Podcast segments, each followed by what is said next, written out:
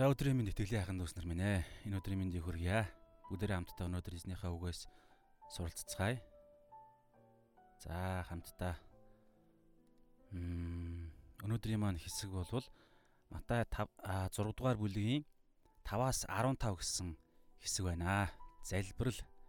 Залбирлын талаар Есүс эзэн хэрхэн биднэрт зааварчилгаа бид нарын оюун ухааныг шинчлэх процесс явагдаж байгааг бүгдээр харцгаая. За тэгээд өнөөдөр бүгдээр хамтдаа үгээ уншихаас өмнө эзэн эзэндээ ариун сүнс эзэндээ даатгаад Есүс эзэндээ даатгаад бүгдээрээ залбираа зүрх сэтгэлээ бэлдээд эзнийхээ өмнө ирцгээе. Хамтдаа залбирцгаая.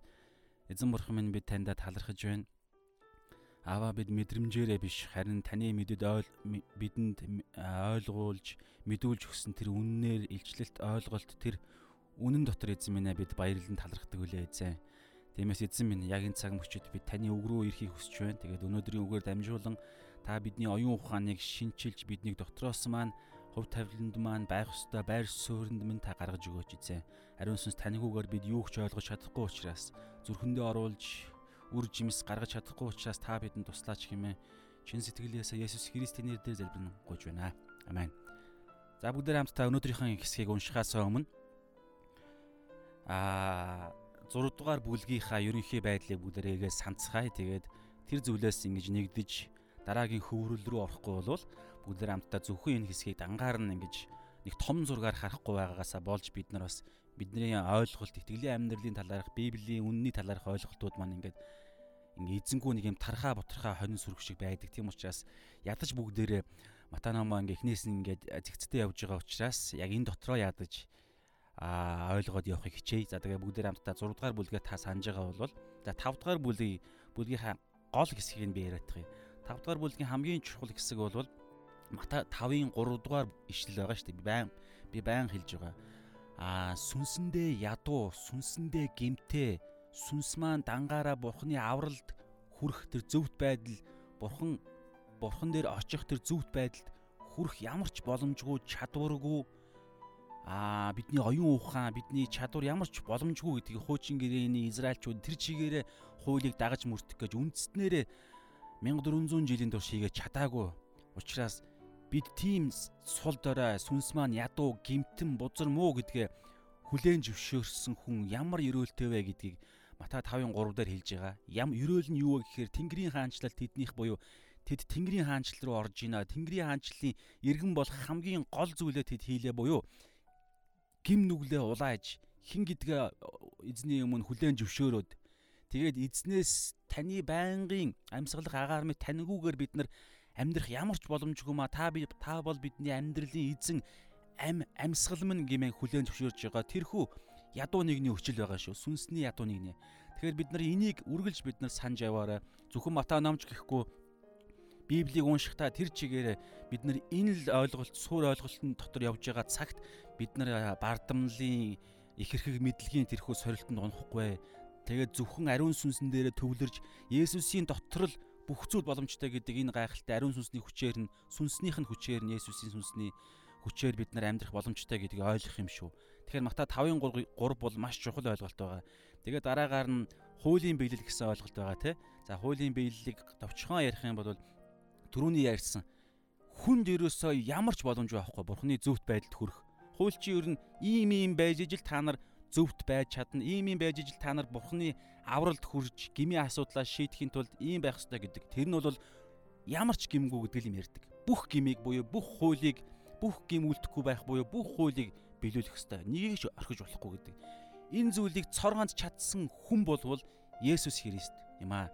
Тэм учраас Есүсийн дотор Тэгээд Есүсийн сүнс нь өөрөө ариун сүнс. Есүс энэ сүнс чинь өөрөө тэр ариун сүнс учраас түүнд итгэснээрээ түүндтэй нэгдснээрээ бидний дотор тэр хуулийг биелүүлж чадсан цор ганц нэгний сүнс энэ дотор орж ирсэн учраас хуулийг хэрхэн биелүүлэх хуулийн амийг маш сайн мэддэг. Тэгэхээр а 5 дугаар 5 дугаар бүлгийн гол ойлголт бол ерөөсөө энэ тэгээд 5-ын 20 дээр байгаа те энэ дэлхийн зөвхт байдлаас итгэгч биш хүмүүсүүдийн хамгийн мундаг хүнийхэн зөвхт байдлаас Тэнгэрийн хаанчлалын хамгийн дорой нэгний зөвхт байдал хүртэл илүү гарах ёстой, илүү гарах боломжтой, илүү гарах дуудлагатай чадвар нь байгаа гэдгийг хэлсэн. Энэ нь бол зөвхөн Есүсийн дотор зөвхөн Есүсийн ариун сүнсний хүчээр л бид өөрсдийн хүчээр хийх гэж оролдох юм бол тэр цагаас эхлээл бид нар аа ял ялагдах болно. Бид бууж их болно. Бид чадахгүй. Бид сорилтонд орж эхлэх болно гэсэн. За тэгээ бүгдээр хамтдаа ийм байдалтай явж байгаад 6 дугаар бүлэг дээр юу юу боллоо?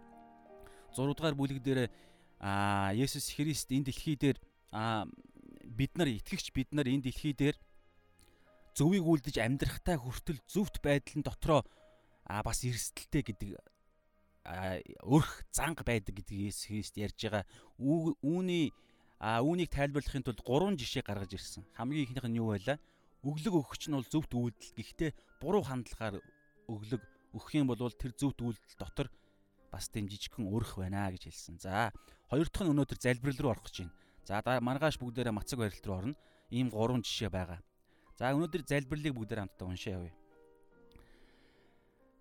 За Матай 6-гийн 5-аас 15 дугаар ишлэл. Ер нь урт байгаа тэгээд би үнэндээ энэ тэндээс бас мэдээлэл олж амжаагүй. Гэхдээ яг өөрийнхөө хувийнхаа өнөөдрийг хүртэл байгаа энэ ойлгож ухаарсан ойлголтын дээр тулгуурлаад хуваараа би яг судалж ойлгож ухаарч олж олж мэдсэн илрүүлсэн ариун сүнстэйгээ ярилцаж те тэндээс ойлгож ухаарсан зүйлсээ тавьсан байгаа шүү. Тэгэхээр нэлээд урт байгаа 10 ишлэл байгаа 11 ч юм уу 10 ишлэл тэгэхээр би нэлээд юу хурдан зэгцтэй жоохон аа жоохон хурд давтар явахыг хичээн тэгэхгүй бол бас амжихгүй.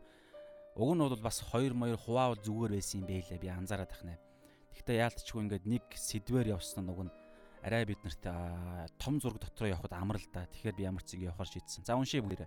Матай 6-гийн 5-аас 15 дугаар ишлэл. Залбирал гэдэг. За уншлаа. Залбирхтаа хоёр нүүртнүүд шиг бүү бай. Учир нь тэд хүмүүст харагдахын тулд синагогт ба гудамжны буланд зогсоод залбирах дуртай ажээ. Үннээр би та нарт хэлье. Тэд шагналаа авчихсан юм аа. Харин чи залбирхтаа өрөөндөө орж үүдээ хаагаад нууц оршигч эцэгтэй залбир. Нууц харагч эцэгч нь чамд буцааж төлнө. Залбирхтаа харийнхан шиг утгагүй хоосон үг бүү давт. Олон үг хэлснийхэн төлөө өөрсдийг нь сонсон хэмээн тэд бод боддог юм. Тиймээс тэдэн шиг бүү бай. Эцэгч нь та нарт юу хэрэгтэйг гуйхаас чинь өмнө мэддэг. Тиймд ийхүү залбир. Тэнгэр дэх бидний ааваа таны алдар ариунаар дуурсдаг. Таны хаанчлал эртүг. Таны таалал тэнгэрт шигэ газарт бас биелтүг. Бидний өдөр тутмын хүнсийг өнөөдөр бидэнд хайрлаач. Бид өртөнгүүдээ уучлсан адил өөрсдийн минь өрийг уучлаач. Биднийг уруу татлагад бүү автуулаач. Ёрын муугаас гítэлгээч хаанчлал, хүч чадал, алдар суу мөнхөд таних. Амен. 14 дөрөвдүгээр ишлэл. Хэрв та нар хүмүүсийн алдааг уучлбал Тэнгэрлэг эцэгч нь та нарыг мөн уучлна. Харин та нар хүмүүсийг ис уучлбал эцэгч нь мөн алдааг чинь ис уучлана. Амен. За ингээд ийм ишлэлэнд голд нь байгаа нөгөө бидний залбирдаг эзний заасан залбирал байгааз. За тэгэхээр бүгдээ хамтдаа эхнээс нь хараад явъя. За түрүүн би хэлсэн те энэ хүү хэсэг маань юу вэ? Гурван жишээний хоёр дахь нь шүү дээ. Ямар жишээ байлаа? Зөвхт үйлдэлийг үйлдэхдээ хүмүүст харуулахын тулд зөвхт үйлдэлийг бүү үйлдэ гэж хэлж байгаа. Та нар хүмүүст та нар бусдад Матай 6-гийн 1-р ишлэлээр ерөнхий гарчин гэсэн үг. Та нар бусдад харуулах гэж хүмүүсийн өмнө зөвийг үйлдэхээс сэрэмжлэхтэн эс тэгвээс тэнгэрт хэцгээс чинь та нарт шагнал олдохгүй гэсэн энэ хүү бусдад зүвийг үлдэх зүвийг үлдэхдээ бусдад харуулах гэж үйлддэг тэдгээр үйлдэлүүдийн гурван жишээг дурдсан байгаа тий. За өглөгийг өглөгийг бол би өчигдөр ярьсан тий. Хөнлөн чиглэлийн харилцаанд дундах зөвд үйлдэл дундах нэг жишээ гаргаж ирсэн эзэн. Өнөөдөр залбирал буюу босоо чиглэлд Бурхантай харилцах тэрхүү харилцаанд дунд зөв үйлдэл ч тий. Залбирал ч нөөрэ маш зөв үйлдэл. Залбирал тасралтгүй залбир, та нар тууштай залбир. Тэгээ зал юунд ч бүү санаа зов харин альва зүйл залбирал ба талархал ба залбиралт гуйлтаараа гуйлтаараа та нар хүсэлтээ эзэнд мэдүүл гэсэн санаа байдаг. Тэгээ эзнээс гуй тэгвэл өгөгдөнө гэдэг. Эзэн бол залбирал гэдэг бол итгэж хүмүүст маш чухал ойлголт. Маш чухал бидний багаж зевсэг давуу тал бидний маш чухал үнэхээр хэвээр бахархуу штэ гайхалтай бидний төлөв байдал. Яагаад вэ гэхээр бурхан автаа залбирна харилцана гэдэг чинь юу вэ? Гимтэн хүний боломжгүй байхгүй юу? Нөгөө нэг сүнсэндээ ядуу гэдгээ ойлгож ижил нэгүслийг авч ижил энэ харилцаа харилцаа бий болох боломжтой. Түүний үсээр жинхэнэ бурхантай бол харилцахад бол гимтэн хүн ямар ч боломж байхгүй. За тэгээд ийм ийм зөв энэхүү зөв маш зөв итгэж хүмүүст маш чухал энэ залбирлын харилцаан донд та нар болгоомжтой байгаарай гэсэн сэрэмжлүүлэг байна. За өнөөдөр сэрэмжлүүлэг хоёрыг бүгдээр харцгаая. За аюуш бимба гэгч маань орой минь гэж байна. Баярлалаа орой минь. За бүгдээр хамтдаа ингээ сэрэмжлүүлэг хоёрыг харъя. Өчигдөр бол нэг нь байсан шүү. А өргөлийн тал дээр яах ёстой гэлээ. Та эргээд хараарай. За өнөөдөр бол залбирлын тал дээр сэрэмжлүүлгийг бүгдээрээ уншия. За Матай 6-гийн 5-ыг уншия. Залбирах та. Одоо өчигдөр бол өргөл өгөхтэй гэсэн. Өнөөдөр бол залбирах та. Хоёр нүрт нүч шиг бүү бай. За эндээс За эндээс би хаа да. За хоёр нүур гарган бүү залбир гэсэн үг шүү дээ тий. Хоёр нүур гарган бүү залбир. За хоёр нүүр гэж байгаа нэг хоёр төрлийн нэг залбирлыг хийхдээ нэг тийм давхар нэг тийм сэтэл цаана байгаад байгаас нэг муу сэтэл, муу зориг, муу ч гэдэг ер нь муу гэж бид нэг муу учраас сэрэмжлүүлж байгаа. Ямар ч байсан нэг зүйлийг хийхдээ тухайн зүйлээ биш давхар нэг юм далд санаа тээж байгаа далд зоригтой тэрхүү альва төлөв байдлыг хоёр нүртэн гэж ярьдэн шүү дээ. Хоёр нүур гаргах гэд. Тэгэхээр залбирахтаа бас нэг тийм залбирх бол яг эзэн рүү хандж байгаа. Гэтэл энд сэрэмжлүүлж байгаа итгэлийн амьдралд байдаг имийг Иесус ярьж байгаа нь эзэн рүү ханд залбирж байгаа мөртлөө давхар нэг тийм өөр зориг далд нэг тийм хандлага далд сэтэл хүсэл итгэгч нарт төрөх боломжтой төрдөг аюултай ийм өрх занг байдаг гэж хэлж байна байдаг гэж. Тэр нь юу вэ? Хүмүүст харагдахын тулд гэж байгаас? Хүмүүст харагдахын тулд хоёр нүрт нүчийг бүү залбираа. Тэгээд тэд хүмүүст харагдахын тулд синагогт буюу чуулганд за чуулганд залбирахтай хүртэл хүмүүст харагдахын тулд залбирдаг тийм аа юу байна? Аюул эрсдэл өрх занг байна. Тэгээ бас тухайн үед Израильч эн чинь Матай ном маань өөрөө Израильчуудад хандаж бичсэн ном учраас Израильч өөрөө тийм ээ Юдэ шашны хэдэн мянган жилийн түүхтэй учраас хэдэн зуун жилийн түүхтэй учраас гудамжинд ч гэсэн зогсоод тэд нар залбирдаг байсан. Нөгөө нэг мундаг залбирдаг хүмүүс нь. Тэгээд хардаа гудамжинд гудамжны буланд зогсоод залбирах дуртай гэж байгааз. Тэд нар бол залбирахтаа их залбирахад дуртай байсан байгаа юм. Залбирахад дуртай, залбирахтаа хайр, залбирахтаа маш амттай, дуртай хүмүүс байвал гоё үсттэй өгнө бол. Гоё. Тэд нар дуртай байсан. Гэхдээ тэдний дурн, дурн тэдний хүслийнх нь гол зорилго нь Бурхан руу хандаж залбирж байгаа. Тэр нэг цаа залбирж байгаа сэдв альва зүйлийн төлөө явж байгаа тэр тухайн залбирлын сэдв гэхээс илүүгээр эдгээр наадах хэлбэрт нь тэр хэлбрээс ирдэг таашаалд нь хэлбрээс ирдэг өөрсдөд нь ирдэг тэрхүү алдар нэр тэр давуу тал бусдад өөрийгөө рекламдж байгаа тэр зүйлд дуртай гэж гэдгийг Есүс хэлж байна. Тэд ингэж залбирах а тэр үнэхээр дуртай. Тэгтээ тэд буруу сэтлэр залбирдаг сүм гудамжинд. За тэгээ Есүс хааш нь юу гэж байна? Үннээр би та нарт хэлье. Үннээр гэдэг чинь ерөөсөө энэ бол ерөөсөө яг үнэн байдал. Үннээр би та нарт хэлье. Гарцаагүй үнэн гэсэн үг тэд шагналаа авчихсан юм аа. За би өчтөр бас хэлсэнтэй энэ шагналын талаарх би ойлголтын дээр аа альва зөвхт үйлдэл те альва зөвхт одоо үйлдэл сайн үйлдэл бол эзэн шудраг учраас шагнал гэсэн ойлголт бол байдаг. А энд ч гэсэн залбиралт те уг нь бол залбирал чинь бид өөрсдийнхөө төлөө залбирж байгаа шүү дээ. Гэтэл эзэн залбиралт хүртэл шагнал байгаа гэж хэлж байгаа байхгүй юу? Амар гоё. Тэгэхээр хаанчлалын төлөөх таны үйлс болгон таны гаргаж байгаа хөлсний тусал зориулалт 500 төгрөг 1000 төгрөг 10 10 минут 1 цаг гэд хаанчлалын төлөө зориулж байгаа цаг болгон чинь шагнал байгаа. Эзэн өөрөө хэлж байгаа. Тэгээд өчигдөр хэлсэн шүү дээ. Нууцаар харагч мөртлөө нууцаар бидний үйлдэлийг хардаг мөртлөө яадаг гэлээ шагнахта ил тод бодтойгоор хязгааргүйгээр янз бүрийн арга замаар эзэн шагнадаг. За уг нь тийм байна. Гэтэл энд нар ингэж алдаатай буруу яг өчигдөр өргөл өрхөхдөө бас яг ийм алдаа гарах эрсдэл байгаа гэж хэлсэн шүү дээ.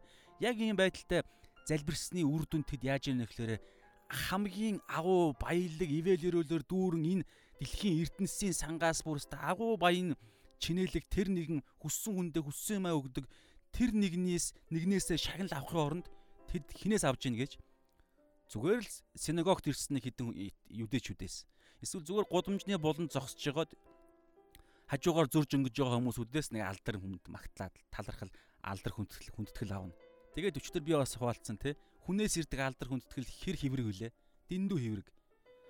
Тэгэхээр ийм л зүйлийн төлөө тэд ийм өнгөцгөн зүйлд дуртай залбирж байгаа байхгүй. Тэгэхээр энэ юдэчүүд фарисеучуд 2000 жил 2000 жилийн өмнөх тэдгэр хүмүүсүүдэд зөвхөн байсан. Одоо бол байхгүй гэсэн юм байхгүй.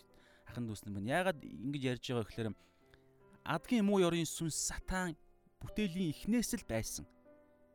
Тэдний зорилго бол үе үе үргэлж шинжлэгдэж явдаг сатаны зорилго бол дамаа эцсийн цаг үе эзэн ирэх төгсөөр байгаа учраас эцсийн цаг үе сатаны толгойг эхлэл 3:15 дээр эзэн түүнд амлсанчлан түүнд тангархалсанчлан толгойг нь бяц гიშгэх тэр үхлийг бүрэн байхгүй болгох эзний Есүс хоёр дахь удаага буюу тэр ирээд Есүс сатаныг бүрэн ялах тэр ялалт хүртлэх хугацааг өнөөдөр бид хаанчлалынхаа амьдралаар ойлгох ёстой юм ойлгож бид ухаарах ёстой юм ухаарж гарах ёстой байр суурин дээр гарснараа бид хурцсах байхгүй Есүсийн ирэлтийг.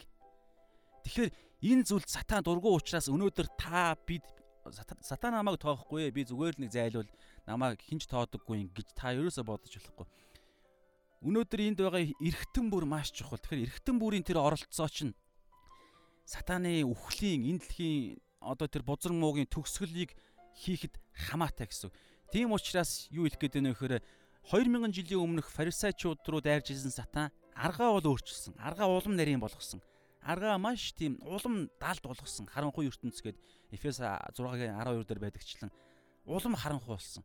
Тэрний юу гаднаа юусаа харагдахгүй амар тайван, сайн сайхан, инх тайван, глобалчлал, глобалчлал, эв нэгдэл, ардчлал, нэгдсэн дэлхийн ардчлал, хүний эрх эрхчлөө ярддаг.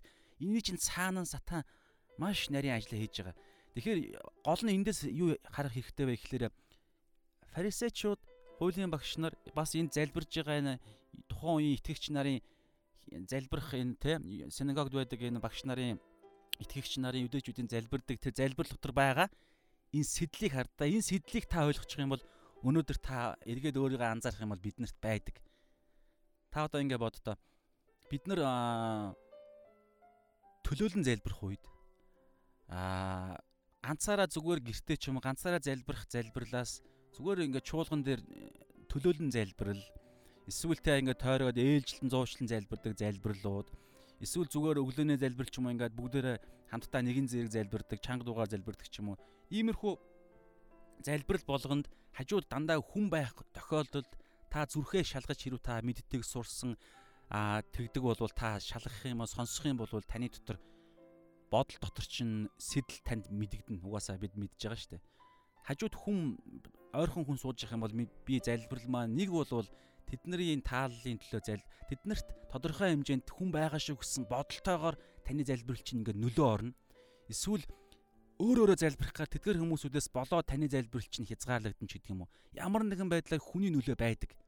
Гэхдээ энэ дээр бол хүмүүс таалагдахын тулд гэж байгаа. Тэгэхээр одоо жишээ нь түрүүн би ярьдаг саний дөнгөж саний ярьсан хоёр жишээ нэг нь илүү хэлбэр оруулж галбиртайгаар залбирдаг залбирал залбирал чинь өөр бас хүмүүс таалагдахын тулд байж болж байна. Эсвэл мундаг тийм эмоцтой ч юм уу залбирдаг байснаа хүмүүсээс болоод дууга хурааж яана гэдэг чинь бас л хүмүүс таалагдахын тулд муухай галзуу хүн шиг харагдахгүй тулд би тэр хүн таалагдаж би даруу болж харагдах гэдэг нь шүү дээ. Өөрийгөө хязгаарлаад байна шүү дээ.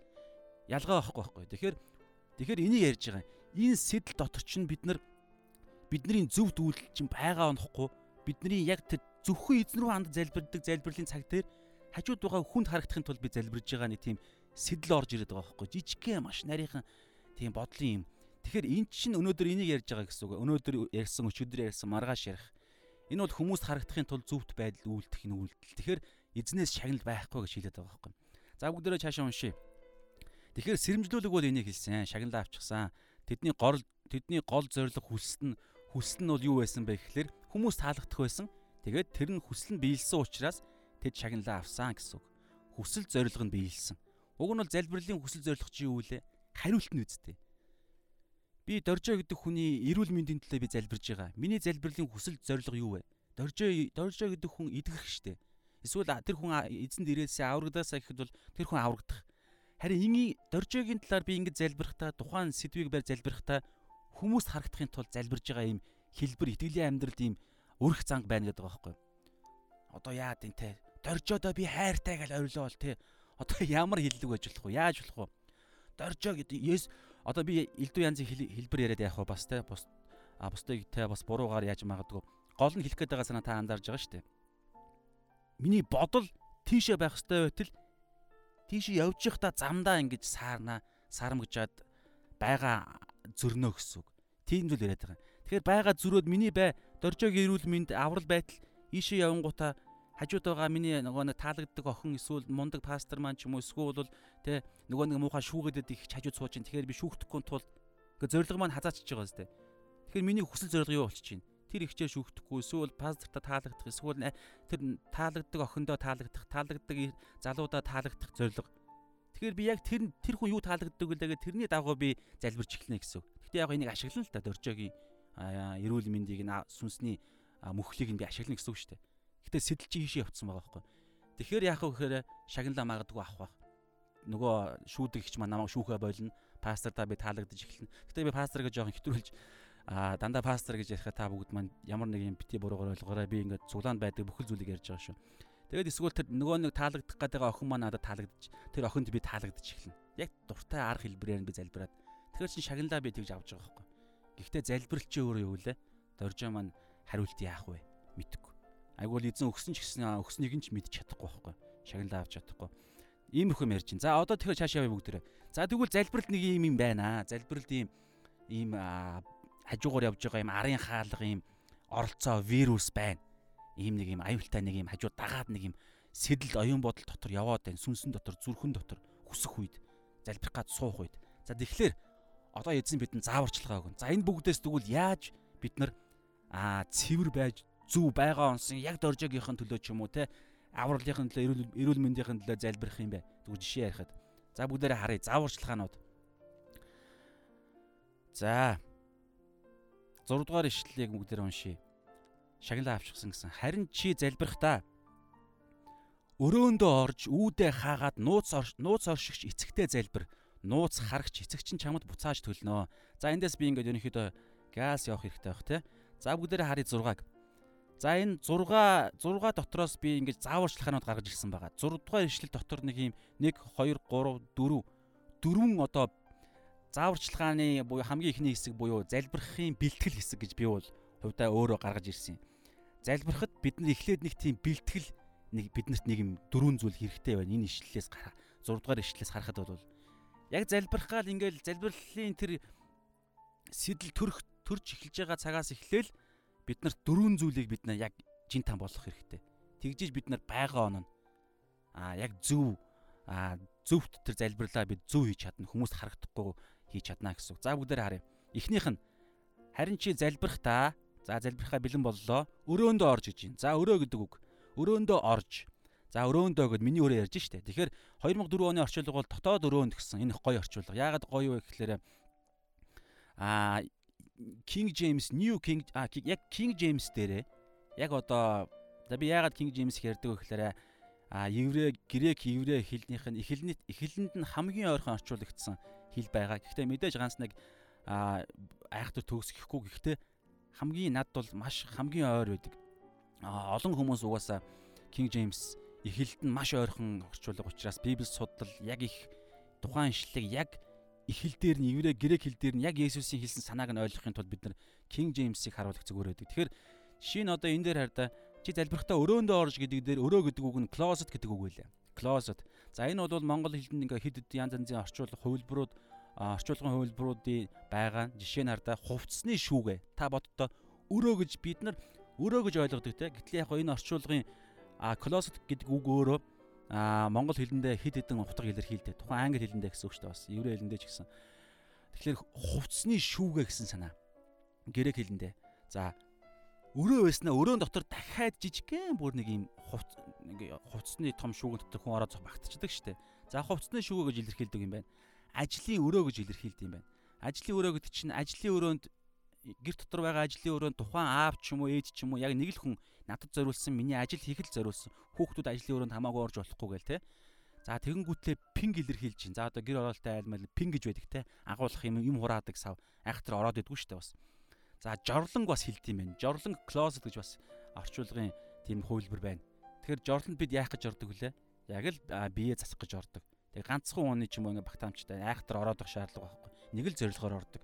Тэгээд тийшээ хүн айхтар ороод байхгүй тий. За ийм санаа. Тэгэхээр залбирахтаа бид нар залбирлын бэлтгэлийн одоо энэ суур ойлголтуудын хамгийн ихнийх нь юу вэ? За эндээс гаргасан юм. Дотоод өрөөндөө залбирахтаа 6 дугаар эшлэл Матай 6-гийн 6 харин чи залбирахтаа өрөөндөө орж таслал. За эхнийх нь өрөөндөө орно. Юу вэ? Өрөөндөө орох буюу За би наа нэг зүйлийг хэлэх хэрэгтэй.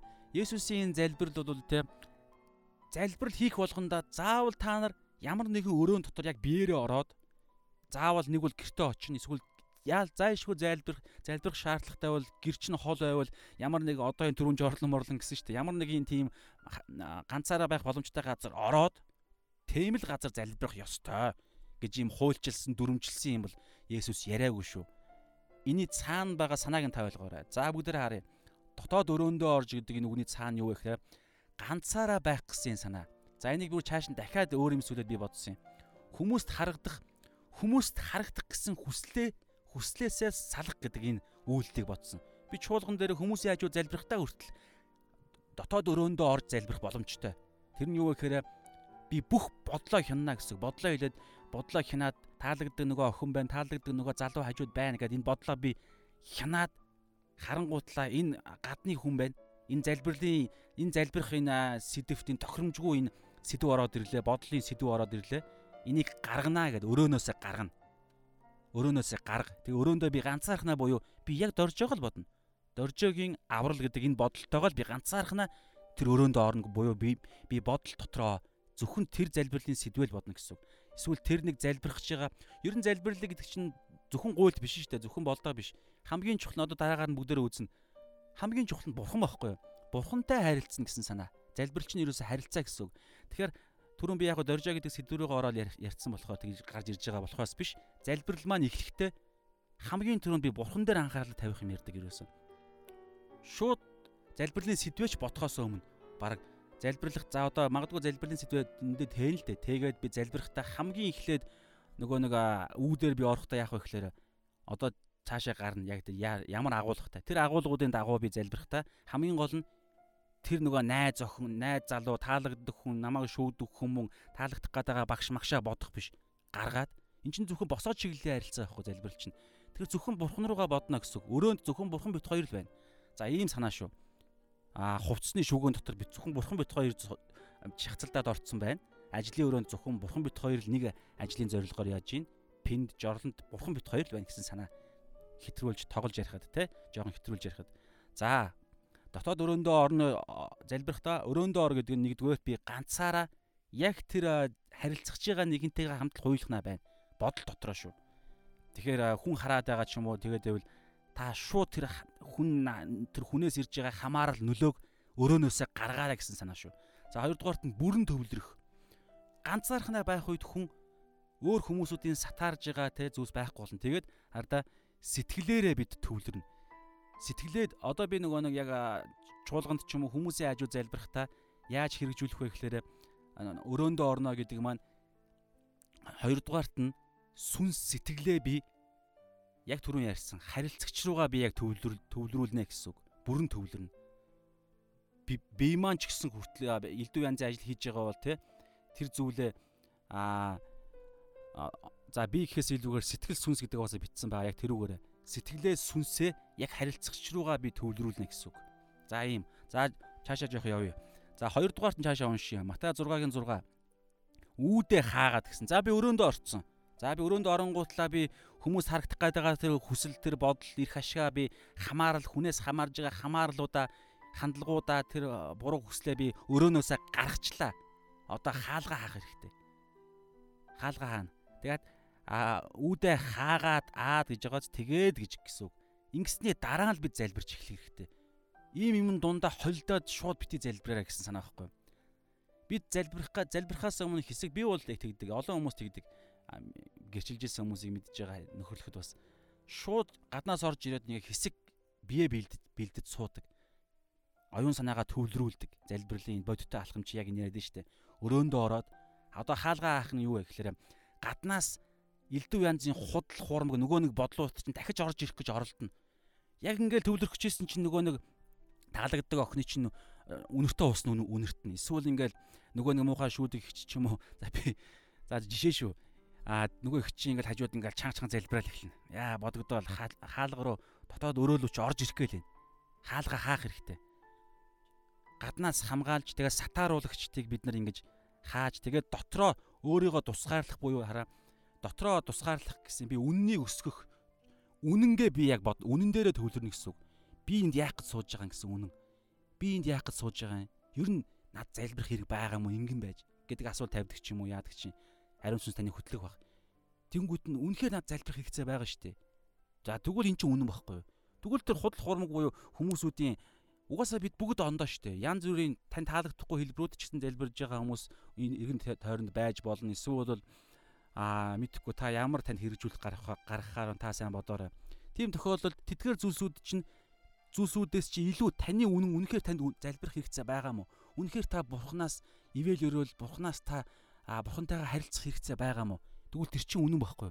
Тэгээд тэр үнэнгээ бид нар бариад тэгээд залбирлын талаарх ойлголтууд те одоо цаашаа явна. Тэгэхээр энэ нь бол миний гаргасан хэрэгжүүлэлт буюу хаалга хааж байгаа хэлбэр. Үнэн дээрээ төвлөрнө. Гаргалаа элдв янз юм тэгэнгүүтлээ би дотроо өөрийнхөө зүрх сэтгэл би яг би бол хин юм бэ? Би ер нь яг яах гэж энд сууж байгаа юм? Яах гэж залбираад алхаа явж байгаа юм ч юм уу? Тэрийг би бодоод гол юм дээр анхаарал анхаарлаа төвлөрүүлнэ гэсэн үг. За болчлоо. За цааш нь 3 дахь нь суур бэлтгэлүүдийг ярьж байгаа шүү. 6 дугаар ишлэл дээр. За харъя. Нууц оршигч эцэгтэй залбир. За эндээс хинтээ харилцах гэж байгаагаа санана. Нууц оршигч эцэгтэй залбир. Би ер нь хинт ханд залбир залбирах гээд байгаа юм. Зүгээр нэг баян ааваасаа баян нэг найзаасаа мөн гуйх гээд байгаа юм уу? Хүнээс би юм гуйх гээд байна уу? Эсвэл амьдралын одоо ямар нэгэн одоо бясалгалын тэр ямар нэг юмас гуйх гээд байна уу? Эсвэл би буддаагаас гуйх гэж байгаа юм уу? Эсвэл зарим хүмүүс сатаанд хүртэл залбирж байгаа хүмүүс байгаа шүү дээ. Сатанист хүмүүс байдаг. Тийм учраас би яг хинт хандаж залбирх гэж байгаа. Энэ залбирал буюу энэ залбирал чи харилцаа гэсэн үг шүү. Тэгэхээр би хинтээ харилцах гэж байгаа гэдэг. Харилцах байгаа хүнээ. Ер нь та амьдрал дээр ч гэсэн та хүссэн тааралцсан хүн болгонтойгоо илүү янзын юм яриад харилцаад байдаг үстэй. Жишээ нь тань таны таалагддаг хүн байлаа гэхэд та айхтар харилцахгүй. Мэдлэл өнгөрнө. Чаашаа харилцаад хитрх гээд байвал те завуучлаараа завгүй байна гэж бодиттой байдлаа л бүгдээр ярил л да. Тэгэхээр хинтээ бид нар харилцаж байгаа гэдгээс хамаарч бид нар дараа дараагийн юм шалтгаална. Тэгэхээр энэ дээр юу гэж чинь 6-гийн 6 дугаар ишлэлээр нууц оршигч эцэгтэй залбир гэж байгааз. За тэгэхээр бидний залбирах гээд байгаа, бидний харилцах гээд байгаа, бидний асуух гээд байгаа, амьдралаа шийдвэрлэх гээд байгаа, тусламж авах гээд байгаа тэр тэр нэгэн маань харилцагч нэгэн маань хин юм бэ? Гэхдээ нэгдүгээрт нууцаар оршдог. Сүнслэг ертөнцид гэсэн үг. Сүнслэг ертөнцид оршдог. Энэ дэлхий дээр бодиттой материалын дэлхий дээр биш. Мэдээж оршино. Гэхдээ өөрийнх нь яг харьяал нь сүнслэг ертөнцид цаг хугацаа өнгөрсөн одоо ирээдүгөөс үл хамаарсан Тэгээд энэ одоо бидний те а энэ бодиттой ертөнцийн те 5 мэдрэхүүгээр яадаг энэ мэдрэхүйн дөрвөн хэмжигдэхүүнээс үл хамаарсан. Тэгээ бидний нүдэнд харагддаггүй, мэдрэгддэггүй тийм ертөнцид амьдардаг нэгэн. Оршдог нэгэн. Тэгээ бүгдийг хардаг нэгэн, бүгдийг харагч. Өөрийнх нь бүтээл шүү дээ. Бүтээгч нэгэн гэсэн үг.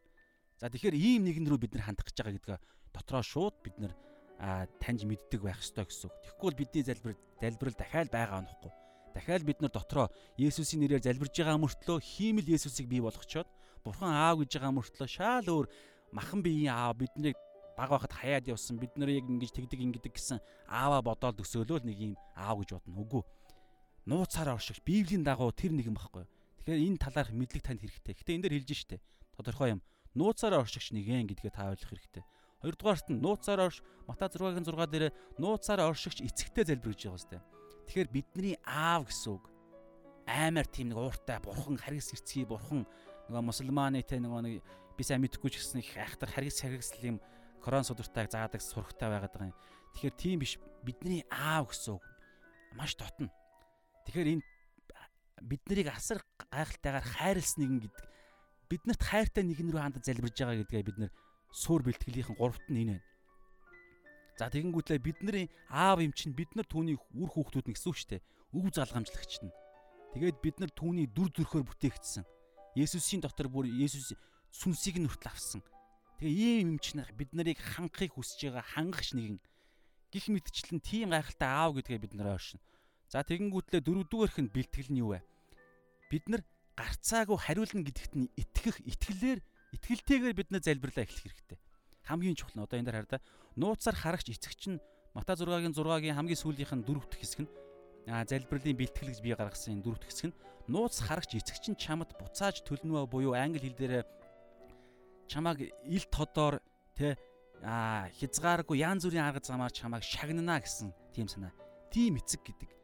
Нууцаар харчаад шагнахтаа гайхалтайгаар бодиттойгоор бид нарыг шагнана. Янз бүрийн бидний сюрприз гинтийн байдлаар биднийг шагнах, хариулах, залбиралд маань хариулах тэр нэгэн гэдгийг бүгдээрээ хамтдаа дотроо бүр мэдтсэн тэр мэдлэг чинь залбирлыг чинь бүр залбирлын баг эхлэхээс өмнөх юм яриад шүү. Амаа нэж эхлэхээс өмнө дотроо ингээд цуглаанд орж ирдэг ч юм уу эсвэл машиндаа явж явахдаа залбирах гад ингээ бие сүмсээ бэлдэж төвлөрүүлж байгаа нөгөө дөрвөн алхам тий эхний алхам маань дотоод өрөөндөө орж ийн би хүмүүсүүдээс өөрийгөө тусгаарлаж ийн анхаарлаа бурхандаа төвлөрүүлж ийн би яг залбирах гэж байгаа тэр бурхан руугаа харж эхэллээ тий тэгээд залбирагч нэгэн маань хэн блэ миний аав сүнслэг нэгэн агуу бүтээгч нэгэн бүх зүйлийг харж байгаа нэгэн учраас би залбирахтаа худлаа залбирах ямар шаардлага байхгүй.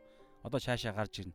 7 8 даар бүгдээр одоо харъя л да энэ дээр яагаад би худлаа ярих шаардлагагүй гэхээр хадаа хар да буруу анхаарах бас зүйлс байна. Бүгдээрээ Мата 7:8-ын ишлийг харъя.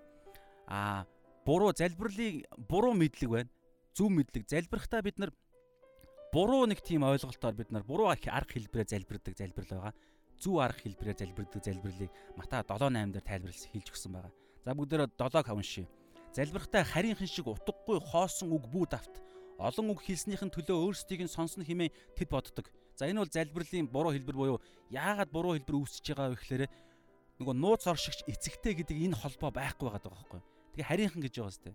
Тэгэхээр харийнхан чинь өөрөө бурхныг бурхан аав аавыгтай Яхва Яхва бурхан аавыг эцгээ болгож чадаагүй хүмүүс тухайн үедээ ч байсан. Тэгэхээр одоо итгэж биш хүмүүсийг хэлж байгаа. Тэгэхээр итгэж биш хүмүүс бол бурхан руу аав гэж харьж чадахгүй шүү дээ. Хэлж чадахгүй. Тэгээд нууцаар тэгэхээр аа зүгээр нэг одоо хардаа аа энд хардаа зүгээр хардаа би нэг төсөл биччихээд тэгээд дарга дээрээ очиод батлуулж мөн гарах гээд байгаа. Эсвэл улсын хурлын гишүүнтэй ингээд хууль бичээд тэгээд сайдуудаар гаргах гэж байгаа ч юм уу улсын хурл ерөнхийлөгчөөр ч юм уу ингээд нэг тийм аав биш заяа. Аав биш зүгээр нэг тийм нэг юм ажил хэргийн нэг тийм мундаг хүнээс би мөн гаргуулж авах гэж байгаа хүмүүс яадаг вүлээ ингээд хэлбэрээ амар чухалчлаа шүү дээ юм зү. Ян зүрийн үг хэлнэ, гой чимэг ятгуулах гэж оролдоно. Нөгөө хэд хэд хоногийн өмнө бид нэр үтсэн шүү дээ бүү тангаргал та нар юугаарч бүү тангаргал гэдэг шиг элдв янзын батлах гэж рекламдах гэж элдв янзын тангараг мангар амлалтууд өгөнтэй. Би заавал ингэн би 4 жил улсын хурал нэг төвшигтэй би үнэхээр ингэн Монгол ингэж сайжин мааж нэгээд элдв янзын худал юмуд ингээ бодоол байна. Тэрийг бодоход хамаг баг нь. Одоо улсын хурал сонгуул болоход тэрэн дээр хамаг юмаш тэгэд шавхна яг үннээр явна гэхээс илүүгээр яаж хуурах уу гэдэг дээр. Тэгэхээр яг энэ шиг аав гэдгээ тэр дотн харилцаанд бас нууцаар оршигч буюу сүнслэг ертөнцид бүгдийг хардаг гэдэг энэ мэдлэг байхгүй бол яг харийнхан шиг бид нар хардаа янз бүрийн үг ингэ давтаал байна. Өө агуу дээд тэнгэрлэг бурхан мурхан мэн гэл ерөөсө таавал дээдийн дээд хаадын хаан билээ. Таавал одоо ингэ үлгэр шүлэг зохиогоол ингэ ерөөсө тэр нь гой чэйдэлсэн байвал тэгэл бүр ингэ залбирх болгонд ламд нь орж ирэх байх л та. Гэхдээ би үннээрээ ингэ залбирдаг хүмүүс хэлээгүй шүү. Зүгээр би тэгж нөгөө нэг юм А тэгснээрээ тэндээсээ өөрөө баг өөрөө өөртөө таалагдаад сонсоход чихэн сонсголонтой мөр холбоссон сонсогдсон гутал одоо миний залбирал бурханд хүрж ийн ч гэдэг юм уу. Гэтэ бодиттой тийм залбирлууд байгаа шүү. Би цаана байгаа далд юм яриад байна. Тэгэхээр олон үг давтаж тэгэл байнга тэрийгэ давтаал те. Одоо энэ дээр байгаа сте. Залбирхтай харийнхан шиг харийнхан шиг утгагүй хий дими хоосон үг бүү давт гэж байгаа сте. Одоо энэ дээр төгсгөлт нь байгаа олон үг хэлснийхэн төлөө өөрсдийг нь сонсныг хэмээн тэд боддог. Тиймээс тэдэн шиг бүү бай гэснээр эцэг чинь та нарт юу хэрэгтэйг гуйхаас чинь өмнө мэддэгэ гэдэг байгаа сте. Аав чинь бүгдийг хардаг нууцаар оршигч буюу сүнслэг ертөнцид бүтээлээ бүтээлээ угаасаа харж байгаа мэдж байгаа бидний зүрх сэтгэл бидний яс чүмэг бодлын тэр уялдаа холбоо утас чүмэг нарийн мяндас бүгдийг мэдж байгаа. Тийм эцэг чинь гуйхаас чинь өмнө хэрэгцээг чинь мэдж байгаа. Тэгэхээр элдв янзын ятгах шаардлагагүй рекламдж намайг хуур аа ятгаж те одоо юу гэдэг янз бүрийн амлалт өгөх шаардлагагүй. Хэрвээ амлалт өгвөл тэрийг заавал биелүүлэх хэрэгтэй болно шүү гэсэн санаа бас хэд хоногийн өмнө бид нар үздсэн те. Заавал заа үгүй бол үгүй гэж. Тэгэхээр харийнхан шиг ингэж залбирахгүй. Энэ бол залбирлын буруу хэлбэрэ гэж хэлж байна. Харийнхан шиг бүү харийнхан шиг бүү залбирал буюу бурхнаа мэдхгүй залбирал бүү хий гэсэн үг. Харийнхан шиг гэдэг чинь бурхнаа мэдхгүй.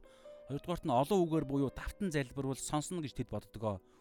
Үр дүн нь юу вэ? Залбирал нь хоосон утгагүй болдог. Ингээд залбирсан залбирал хоосон утгагүй болдгоо. За тэгвэл ямар залбирал юм? 8 дугаар ишлэгийг харъя. Аа тиймээс тэдэн шиг бүү залбирал гэдэг чинь тэдэн шиг бурхнаа мдээгүй тийм байдлаар бүү залбирлаа гэсэн үг. Мэдлэггүй залбирал бүү хий гэсэн үг.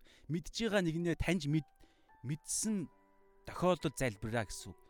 Аа та яг бидний бурхан сүнслэг бурхан энэ ертөнцийг бүтээсэн бурхан нууцаар оршигч тэ бүгдийг ил тод хардаг.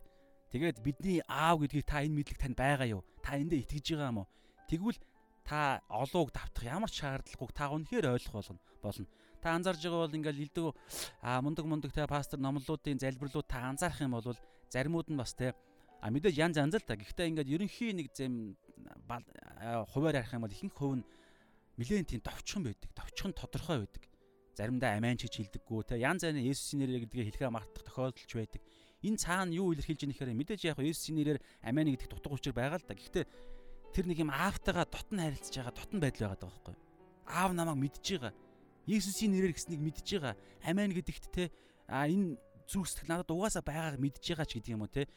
Энийг заавал хэлэх шаардлагагүй зарим хүмүүсийн залбирал маш товчхон байдаг. Тэгэхээр энэ юу гэхээр бас тэдний дотн байдал анзаардаг шүү. Та ингээд ааваасаа бид нар мөнгө уухтаа яадаг үлээ.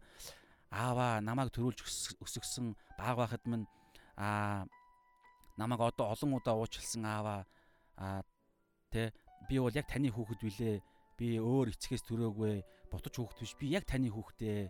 Тэгэхээр би бас танд хайртай. Та миний хайртайг та мэдэн штэ. Би танд ингэж би танд баталж хэлж болно. Би одоо ингэж баталж өгье юм үгүй гэдэг ийм юм ярих шаардлагагүй сте бид нар ааваасаа мөнгө уухтаа. Аав юу болох гээд те? Одоо баяр болох гээд юу лээ? А ёслолын баяр болох гээд те? Хонгоны баяр болох гээд 100 сая төгрөг хэрэгтэй байх юм уу? Ингээд хэлэхэд юусаа наанах юмуд нь хэлэх шаардлагагүй. Угаасаа тодорхой. Иймэрхүү яриад байгаа юм шүү зүгээр. За тэгээд энийг ярьж чинь хоёрдугаарт нь бидний аав те түрүүн би ингээд яриад байгаа юм байна шүү дээ. Дими үхсээр биш үнэн байдлаараа үннээрээ ярина. Тэгэнгүүтлээ бас нэг зүйлийг анзаараарай. Бид нар бурхны хүүхдүүд бурхан бидний аав шүү дээ. Тэгэхээр та бодоорой альва хүүхдүүд аавыгаа дуурайдаг те аав аав ээж аавыгаа дуурайж тэдний а бидний өсгсөн амьдралын ертөнцийг үүсэх үзэл амьдралын тэр зам мөр замналаар нь бид нар өсдөг. Тэгээ бас царай маань ч адилхан байдаг. Тэгээд нөгөө нэг те яг миний хүүхд мөн үү биш үү гэдэг нөгөө нэг ДНК-гийн шалгуур малгуур ингэж хийдэг тохиолдол байдаг шүү дээ. Тэгэхээр миний дотор ч гэсэн аавын маань а дүр төрх холбоо байгаа. Энийг юу хэлэх гээд байна вэ гэхээр бид нэр залбирахдаа бурхан аавын тэр сэтгэлээр залбирна гэсэн санаа бас. Бурхан бурхан бол миний аав гिचингүүтлээ бүр аавынхаа дайсан болох сатаны хийдэг зүйлсүүдийг залбируул яах вэ? Одоо жишээ нь аава би ингээд өнөөдөр завхаарчмаар байна. Өнөөдөр би нэг юм хар тамхи татчихмаар та мөнгө өгөөч мөгөөч гэдэг иймэрхүү залбирал хийхгүй үстэй. Тэ би энэ хүнийг ингээ үзэн ядаад байгаа байхгүй. Тэгэхээр үзэн ядахтаа одоо энэ хүнийг би хорлмоор байна. Тэгэхээр та надаа хорлоход ашиглах бууг надад авч өгөөч мөнгө өгөөч гэж залбирвал би аав аавын хүүхэд биш байгаа сте би сатаны хүүхэд байгаа сте тэгэхээр энийг бас ярьж байгаа шүү. Тэгэхээр аав гэдгийн цаана ийм гайхалтай зүйлсүүд байна. Тэгэхээр бидэнд юу хэрэгтэйг аав өөрөө мэддэг гэж байгаа. За одоо энэ дээр бүгдээрээ дараагийн хэсэг рүү орно. Гол хэсэг рүү орох гэдэг. За бүгдээрээ 8 дугаар ишлэгийг харъя. Аа Тимээс тэдэн шиг бүү залбираа гэж хэлсэн те. Бурхнаа бурхан ааваа мэддгүү хүмүүс шиг бүү залбир. Тэдэн шиг мэдлэггүй залбирал би битгий хий гэсэн үг. Тэгээ эцэг чинь та нар юу хэрэгтэйг мэднэ гээл те аа мэдж байгаа. Одоо эндээс хараа эцэг чинь та нарт аав чинь та нарт юу хэрэгтэйг гуйхаас чинь өмнө мэддэг гэж байгаа. Тэгвэл яагаад бид нарыг залбируулад залбируулад байгаа юм бэ гэсэн маш чухал логик асуулт гарч ирж байгааз. Бурхан аав биднэрт юу хэрэгтэйг гуйхаас маань өмнө мэддэгэ гэж байна. Тэгвэл яагаад заавал гуйсан цагт л өгдөй ер нь гуух хэрэгцээ байгаа мó яагаад библиэлд залбирах маш чухал гэдээ байгаа юм. За энэ дээр хардаа би зүгээр хувьдаа ямар надад ариун сүнсний гэж итгэж байгаа бодол орж ирсэн байхээр бидэнд юу хэрэгтэйг бурхан аав маань гуйхаас маань өмнө мэддэг. Харин бид нар мэддэггүй гэсэн санаа. Тийм учраас бид нар гуйх шаардлагатай байдаг. Залбирал хийх шаардлагатай байдаг. Ер нь яагаад харилцдаг? Би аавда амьдралаа ингээд ярьлаа гэж бодъё л да. За дэлхийн мах бодийн аавууд бол бид нар яг мэдэхгүй шүү дээ. Би өглөө өдөржингөө сургуультай яваад ирээд орой аав эренгүүтэл аав жишээ нь за миний хүүгийн өнөөдрийн ажил сургууль ямар байв? хүүхд мөх дээрлэх үү гэж тэгвэл мэдэхгүй учраас үнэхээр асууж байгаа. Харин бурхан аав бүгдийг мэдчихэж байгаа. Тэгээ яагаад асууд юм? Өө бидэнд харилцаа байгаад байгаас нэгдүгээр. Хоёрдугаар бид яг өөрсдийнхөө бид яг энэ харилцаа юуны төлөө юм? Эсвэл бид яг юуг одоо юу гэдэг юм аа гуйх ёстой юм. Одоо дараа нь гарна л да. Бид яг аавыгаа хин гэдгээ мэдэх юм уу? Энэ харилцаа маань зорилго нь юу юм? Яг би ааваа таниад би яг харилцаад байна уу? Бас би миний харилцааны зорилго маань яг одоо зөв зүйл би бурхнаас гуйх гад байна уу? Гэх мэтчлэн ер нь арай бидний талд асар их мэддэг байхгүй юу? Тэгээд би өөр яг би бурхан аавдаа би үнэхээр итгэж байгаа мó гэдгээ би бас өөрөө мэдэхгүй. Тэгээд би яг залбирах үедээ би аавдаа хамаг юм гаргаж ирж ярьлаа гэж бодъё л доо. Тэгээд тэрнийгээ залбирчаад би дараагаар нь гарч явахдаа би санаа зовлттойгоо гарч явж гинэ гэдгээс хүртэл шалтгаална. Бөөн залбирал явчаад те бөөн залбирал явчаад тэгэнгүүтлээ түрүүний ярьсан штэ залбирахын дөрөвдөх зүйл нь гарцаагүй хариулна гэдэгт итгэх ёстой гэдэг тэр суур ойлголт итгэл байхгүйгээ гарч явж гинөө. Яг итгэж байгаа мó гүм үү гэдгийг бид нар мэддэггүй. Тэгэхээр гих мэдчлээ ер нь ингээд яриад байвал асар олон зүйлсийг бид нар мэддэггүй учраас Тимээс тэдэн шиг бүү бай. Эцэг чинь та нарт юу хэрэгтэй гуйхаас чинь өмнө мэддгээ харин та нар мэддэггүй. Тэгээд мэддэггүй учраас 9 дугаар ишлэл хардаа тиймд тийм учраас та нар мэддэггүй учраас ийхүү залбираа гэдээ одоо зааж өгч байна. Яаж бид нар энэхүү залбирал чинь өөрөө аа ямар одоо те аа байх юм. Харилцаа өөрөө ямар харилцаа юм гэдэг юм уу те. Одоо бүгдээрээ харъя л та. За одоо ингээд 9-оос 11 13 дээр бидний үндсэн аа ерөнхий бидний мэддэг ойлголт те. Тэгэхээр мэдэх ёстойгоо мэдэх ёстой залбирлын агуулга тэр харилцааныхаа агуулгыг бид нэ өөрсдөө мэддэг байхгүй. Яа залбирах юм? Ер нь залбирал дотор юу агуулгах юм? Аа залбирж байгаа хүн маань хин Тэгэхээр яг ямар залбиралд бурханд хүрээд байгаа юм? Ямар залбиралд би хариултаа автсан гэж би итгээд энэ залбирлаа дуусгах юм гэх мэтчлэн залбирлын агуулгаас нь энэ хамаардаг учраас бид нар мэдэх ёстой залбирлын агуулгууд байна. Тэрийг Есүс гайхалтай яг бурхны аавын цор ганц хүүнд бид нарт зааж өгсөн. За бүгдээрээ уншъя. За аа цаг маань заагаагүй байна те. За одоо уншъя. Тэгэхээр ингэж байгаа. Би наа нэг ерөнхийд нь эхлээд харуулъя. За эндээс одоо Матай 6-гийн 9-оос 13 дээр эзний заасан залбирал байгаа шүү дээ. Есүс эзний Есүс эзний заасан залбирал. Есүс өөрөө бол Бурхан аавын хүү. Цор ганц хүү бидний төлөө ирсэн Бурхан аавын хүү шүү дээ. Тэгэхээр аавыгаа маш сайн мэддэг, зүрхэнд нь байдаг тэр нэгэн. Тэгэхээр одоо энд гайхалтай энэ арга байдлаар бид нар бидний залбирлууд яг ийм гайхалтай хандлагаар яг ийм сэтгэлээр бид нар залбирах юм бол бидний залбирал хариултаа авж ийна гэсэн үг одоо гайхалтай ийм залбирал гарцаагүй хариулт авна гэсэн үг. Бүгдээр харъя. Тэрийг би бас ерөнхийдөө ойлгосон. За бүгдээр уншия. Тэгэхээр 7 хоног ийм юу байгаа шүү. 7 залбирлын хэсэг байгаа. Аа 7 хэсэг. За бүгдээр уншия л да. 9-ийг уншия. Тиймд ийхүү залбирлага эхэлж байна. Та нар мэддэггүй учраас та нар хэрхэн залбирхаа мэдээ. Бурхан аа бол мэдж байгаа. Энэ харилцаа яаж залбирсан? Одоо юу гэдгийг яаж ч залбирсан залбираагүйсэн ч та нарын хэрэгцээг чи мэдж байгаа. Гэхдээ та нар өөрсдөө хариултаа авснаа хүртэл ойлгох юм уу? гих мэдчлэн яриа явна. За бүгд уншия. Тэнгэр дэх бидний ааваа таны алдар ариунаар дуурстугай. За энэ үгэн дотор эхнийх нь байгаа. За бүгд харъя.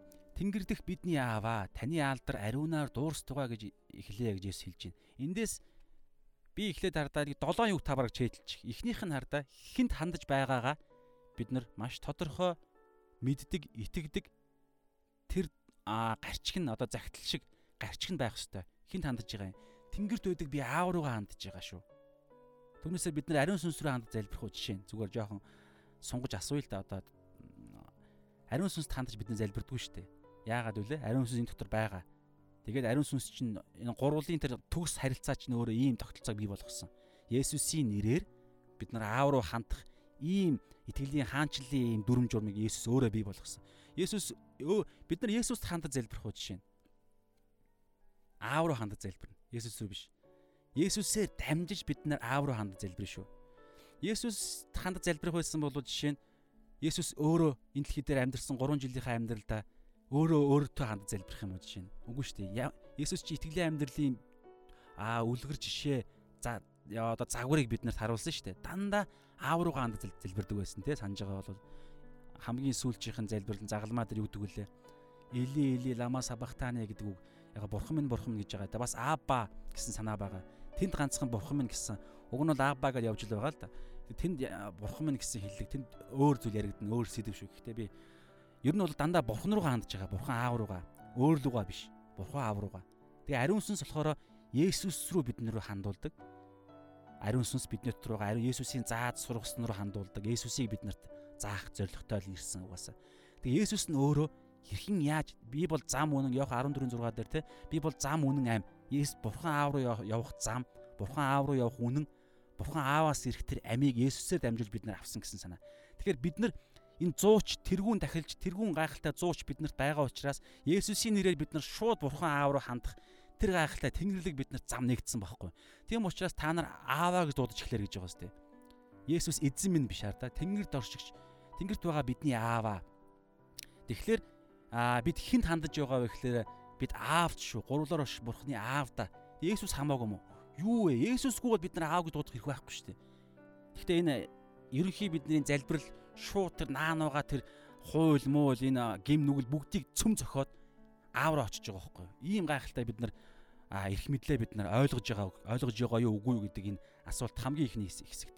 Хинт хандаж залбирж байгаа вэ? Та хаана явах нь хамаа байхгүй яаж залбирх нь хамаа байхгүй сэдв хамаа байхгүй залбирал чинь хамгийн түрүүнд бурхан аав руу хандж байгаа шүү. Дотор бол ариун сүнс байгаа. Есүсийн тэр гайхалтай үгээр дамжуулж. За тэгээ тэр тэрхүү аав маань түрүүн бид автсан те а хэлсэн а дахиад автж байгаа гэхдээ энэ чухал учраас давтъя тэнгэрт байдаг аав Тэнгэрт бидний ааваа сүнслэг ойлголт ярьсан түрүүн би те цаг хугацаанаас үл хамаарсан бүгдийг мэддэг. Тэгээд хязгааргүй энэ дэлхийн ертөнцийн хил хязгаар захирагдахгүй тийм аав шүү бидний аав. Ийм мэдлэг танд байна уу? Тэгээ бурхны хаанчлал Тэнгэр Тэнгэрийн хаанчлал Бурхны хаанчлал тэнд байгаа. Энэ дэлхий дээр ч Бурхны хаанчлал уг нь байхаар бүтээгдсэн боловч дунд нь янз бүрийн юм явсан. Гэхдээ Есүсээ дамжуулан Тэнгэрийн хаанчлал Бурхны хаанчлал яг одоо 2020 онд энд байгаа.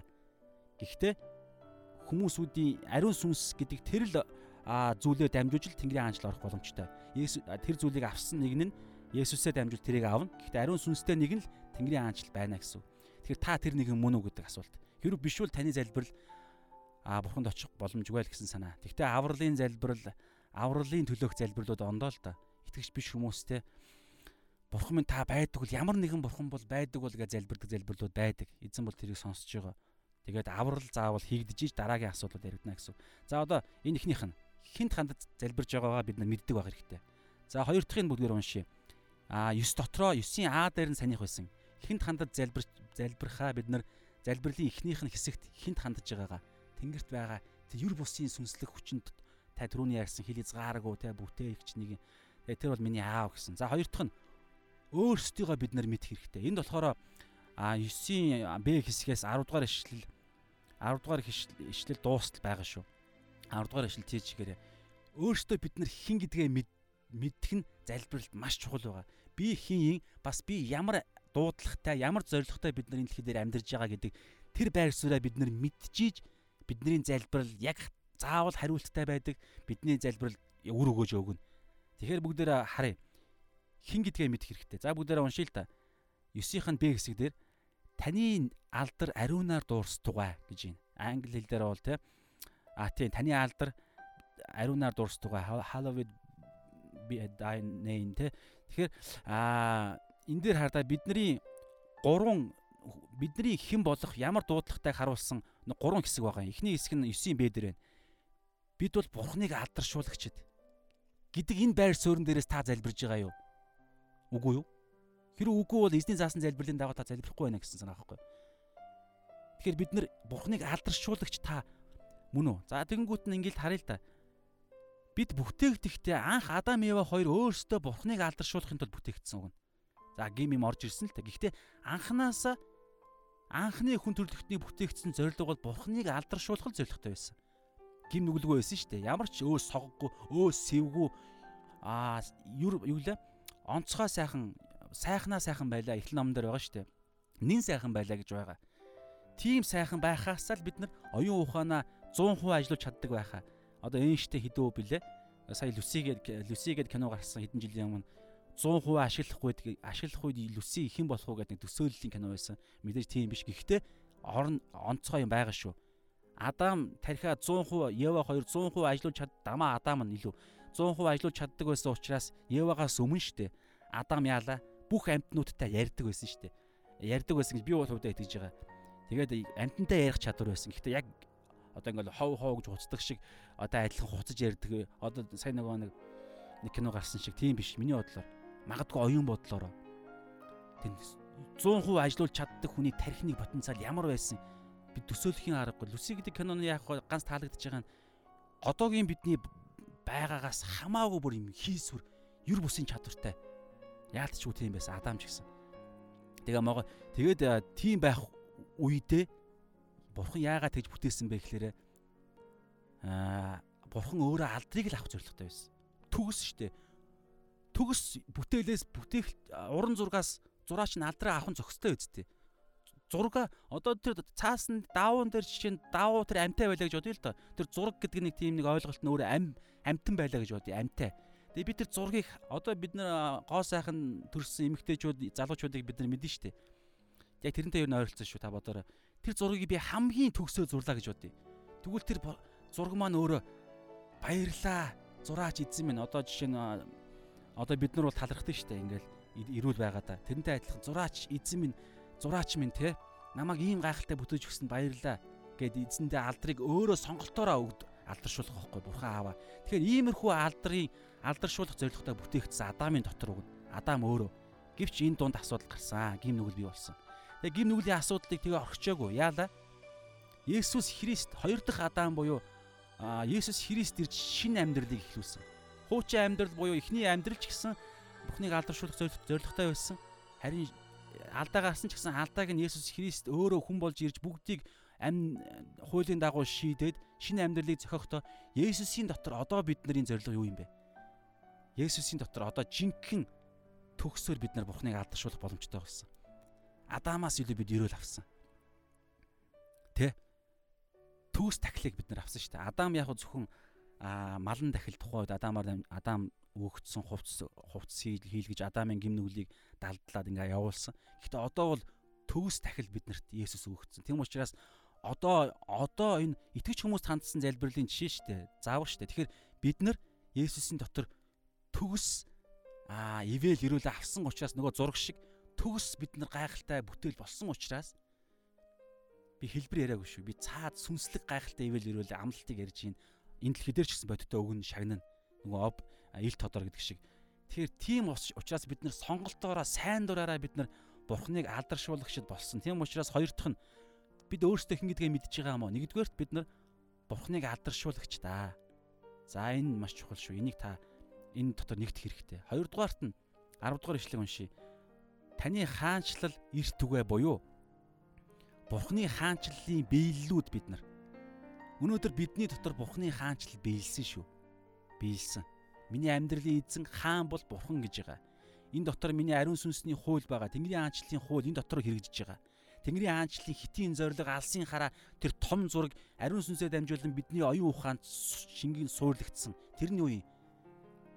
Ахан дүүсээ аврах, Бурхны төөрсөн хонь сүргийг аврах. Тийм л зоригтой. Түүнээсээ арт Христ итгэлийн нам байгуулах биш. Энэ дэлхий дээр байхдаа сайхан амьдрах биш. Хүмүүсүүдийн сүнсийг аврах. Тийм учраас а бүх Тэнгэрийн хаанчлалын хууль ийм л алсын хараагаар явж байгаа. Библи эний төлөө л а Библийн тэр бүх санаа энэ рүү тэмүүлдэг. Тэгэхээр Тэнгэрийн хаанчлалын биеллүүд бид нар гэсэн. Энийг та ойлгож байгаа юу гэсэн санаа.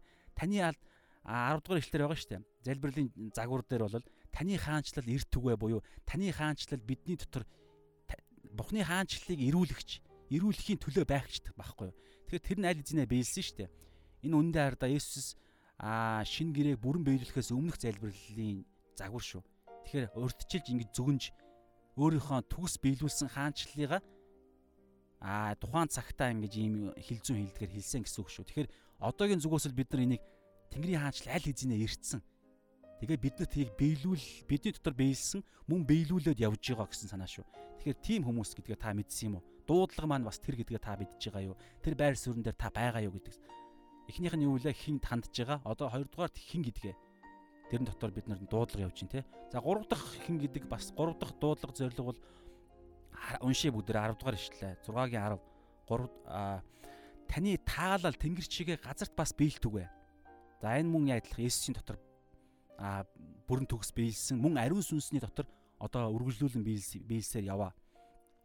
Түрүүн би энэ зүйлийг уншихаа мартсан байна те анзаарах юм бол Бурхны хаанчлалын тэр биелүүлсэн бидний дотор биелүүлсэн Есүсийн дотор төгс биелсэн мөн ариун сүнсний дотор энэ хаанчлал чинь биднээр дамжуулан үргэлжлүүлэн биелж яваа.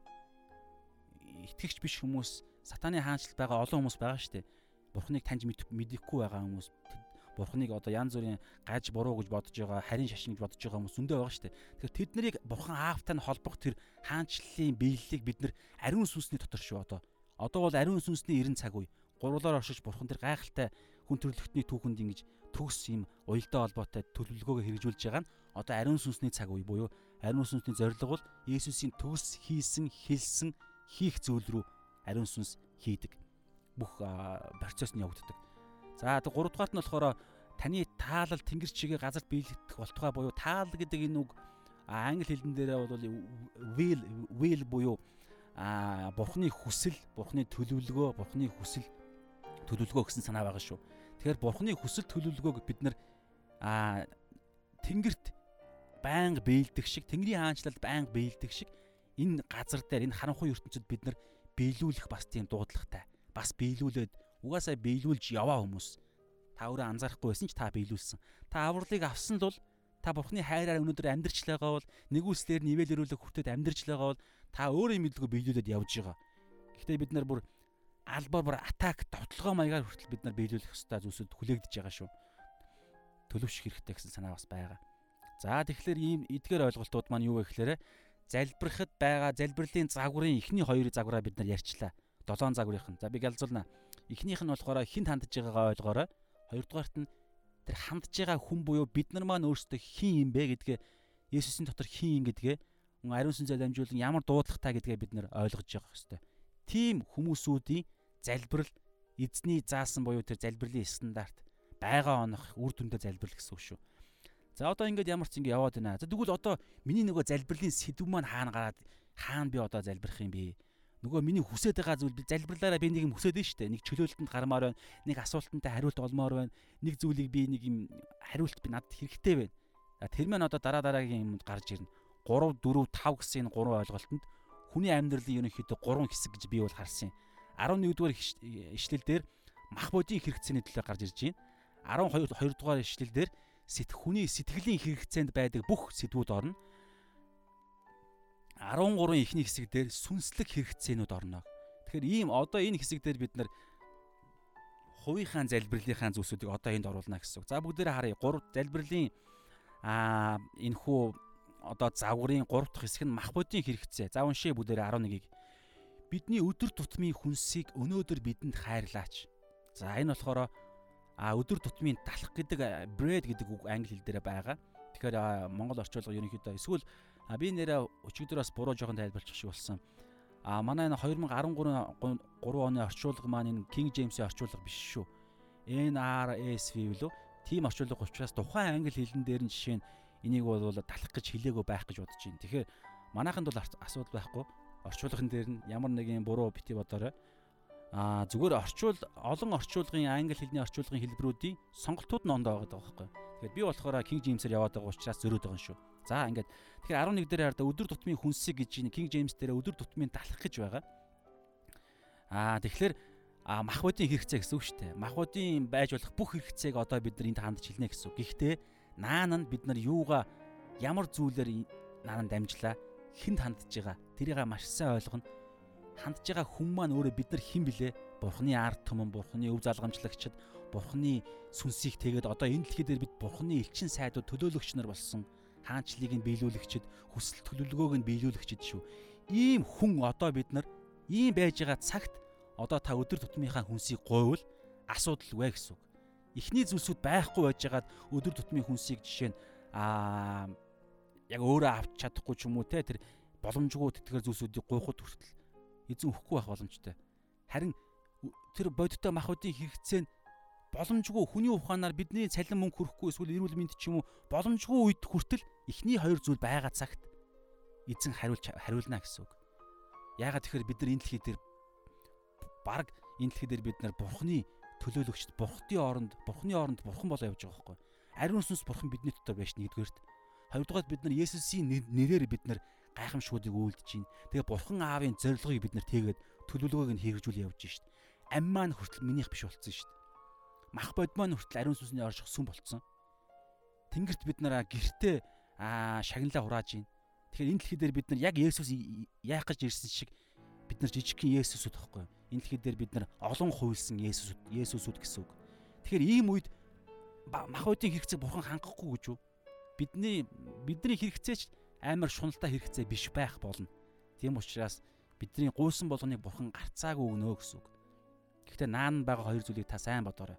Энэ зүйл заавал байх ёстой шүү. Түрүүн ярьсан эргээд хараарай. За бидний өдөр тутмын ингээ 11 дугаар ишлэлээр махбодийн хэрэгцээнүүдийнхаа төлөө гуйхад эзэн хариулна гэсэн. За 12 дугаар ишлэл дээр а сэтгэлийн хэрэгцээнүүдийн төлөө. За бүгдээрээ харъя. Бидний биднийг уруу татлахад бүү 12 штэ. Бид өртөнгүүдээ уучлсан адил өөрсдийн минь өрийг уучлаач гэдэг залбирал. Бид өртөө хүн надад надад өртөө хүмүүсүүдийг би уучлсны адил миний танд өртөө миний өрүүдийг та уучлаач гэсэн зүгээр би энэ үйлбэрийг нь ихлэд хилзүүгээр нь ингээд яг ойрхон ойрхон болгоох юм. Ийм санаа шүү. За энэ энийг бол би сэтгэлийн хэрэгцээ гэж би зүгээр хувьдаа дүгнж байгаа юм. Харилцааны хэрэгцээ. Яагаад вэ гэхээр надад өртөө хүмүүс гэж байгааз өдөр юу лээ 12 бид өртөнгүүдээ гэдэг чинь өрт надад өртөө хүмүүс гэсэн санаа байхгүй юу? Аа надад өртөө хүмүүсүүдийг би уучлах гэж харилцаа яваад байгаа зү. Тэгэхээр энэ сэтгэлийн сэтгэлийн төвшөнд сэтгэл зүрхний төвшөнд хүнд байгаа мах бод сүнс мах би сэтгэл сүнс гэдэг нь хүний хэсгийн сэтгэлийн төвшөнд ярьж байгаа шүү. Тэгэхээр сэтгэлийн төвшөнд байгаа элдв янзын хэрэгцээнүүд янз бүрийн одоо зүйлсүүд байгаа шүү дээ. Магадгүй хайр хайн хайр те хань жилтэй болох ч орно хин нэгнтэй уучламаараа эвлэрмээр байна те эдгээр зүйлсүүд орж байна. Тэгэхээр энэ дээр хар да бидний харах зүйл. Тэгэхээр яг энэ 11 12 дугаар ишлэлийг ойлгоход жоохон асуудалтай болдог үе байгаа. Яагаад вэ гэхээр аа шууд анхны бидний ойлголтод нэг юм ойлголт байгаа шүү дээ. Библиэр ч гэсэн ийм санаа байгаа. Тэгэхээр Библийн нэг тэр хэсгийг энэ зөрчиж гин үгүй юу гэдэг асуулт.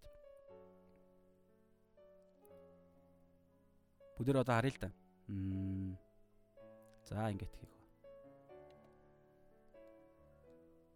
Та мэдэн штэ бид бид бурханаар уучлуулагдах ямар ч боломжгүй те. Бид ямар нэгэн үйлсээр аврагддаггүй эхлээд бурхан биднийг уучлсан эхлээд бурхан биднийг аварсан эхлээд бурхан биднийг нэгүүлсэн штэ. Дараагаар нь тэр нэгүүлсэн хайр авралаараа бид нар бусдыг уучладаг гэдэг ийм ойлголт байгаа. Энэ бол библийн дагуу ойлголт. Гэхдээ яагаад энэ дээр болохоор бид эхлээд ууч хин нэгний уучлж ийж дараа нь бид нар уучлагдах юм энд үйлсээр аврагдах үйлсээр уучлагдах гэдэг санаа гараад байгаа юм шүү энэ ямар учиртай юм бэ монголчууд буруу орчуулчихуу гэсэн чинь бас библи англи дээр ч ийм санаа байгаа Тэгэхээр энэ юу ярьж ийн вэ? За бүгдээр ойлгоё. За уучлаарай. За Мата 6-гийн хитэлээ 12 шүү дээ. За. Тэгэхээр энэ дээр ийм байгаа хар да. Энийг ойлгохын тулд бүгдээрээ ямар ч энэ бол хар да та ихлээр нэг юм ойлгоорой. Энэ бидрээс шалтгааллах зүйлсийг бол ярьж байгаа шүү. Бидний бидний өнцгөөс ярьж байгаа санаа шүү нэгдүгээр. За тэгээд тэгсэн ч гэсэн ойлгоход хэцүү байна. За бүгдээрээ харъя. Матай 18-ын 21-с 35 дээр би уншихгүй ердөнгээс яриад өгчий гэхдээ Матай 18-ын 21-с 35-ыг та анзаарах юм бол гарчийн таарч өршөөлгүй зарц гэдэг үг байгаа. Өршөөлгүй зарц үлээ. Аа тий. Петрийн нэг асуулт байгаа. Тэндээс чааш нь Петрт зориулж Есүс нэг жишээ дурдсан байгаа. За Петр болохоор яасан бэ гэхээр би газ дурж гонолч. Петр ингэдэг. Яг энэ харилцаан тал дээр би ах トゥ угээ ах トゥ маань миний эсрэг гим нүгэл үлдчихэд надаас уучлахгүй бол би хэдэн удаа түүнийг уучлах вэ? Есүс эзэн минь ээ. 7 удаа уучлах уу гэсэн чи Есүс юу гэж хэлдэг вэ гэхээр би чамд 7 удаа биш ээ 70 дахин 7 удаа гэж хэлнэ гэж хэлдэг байхгүй. Тэгэхээр нэг хүн одоо Доржо гэдэг нэг хүн миний эсрэг буруу юм хийгээд харилцааны асуудал ярьж байгааз буруу юм хийгээд тэгээд надаас өдөрт нэг өдөрт 7 удаа ярьж надаас уучлахгүй л гэж бодъё. Надаа миний эсрэг 7 удаа буруу юм хийсэн гэсэн үг байхгүй юу? Энэ баг амар их тоо яриад байгаа зү. Нэг хүн нэг хүний эсрэг өдөрт 7 удаа буруу юм муу юм хийнэ гэвэл амар тийм өстой мангар гараа байгааз.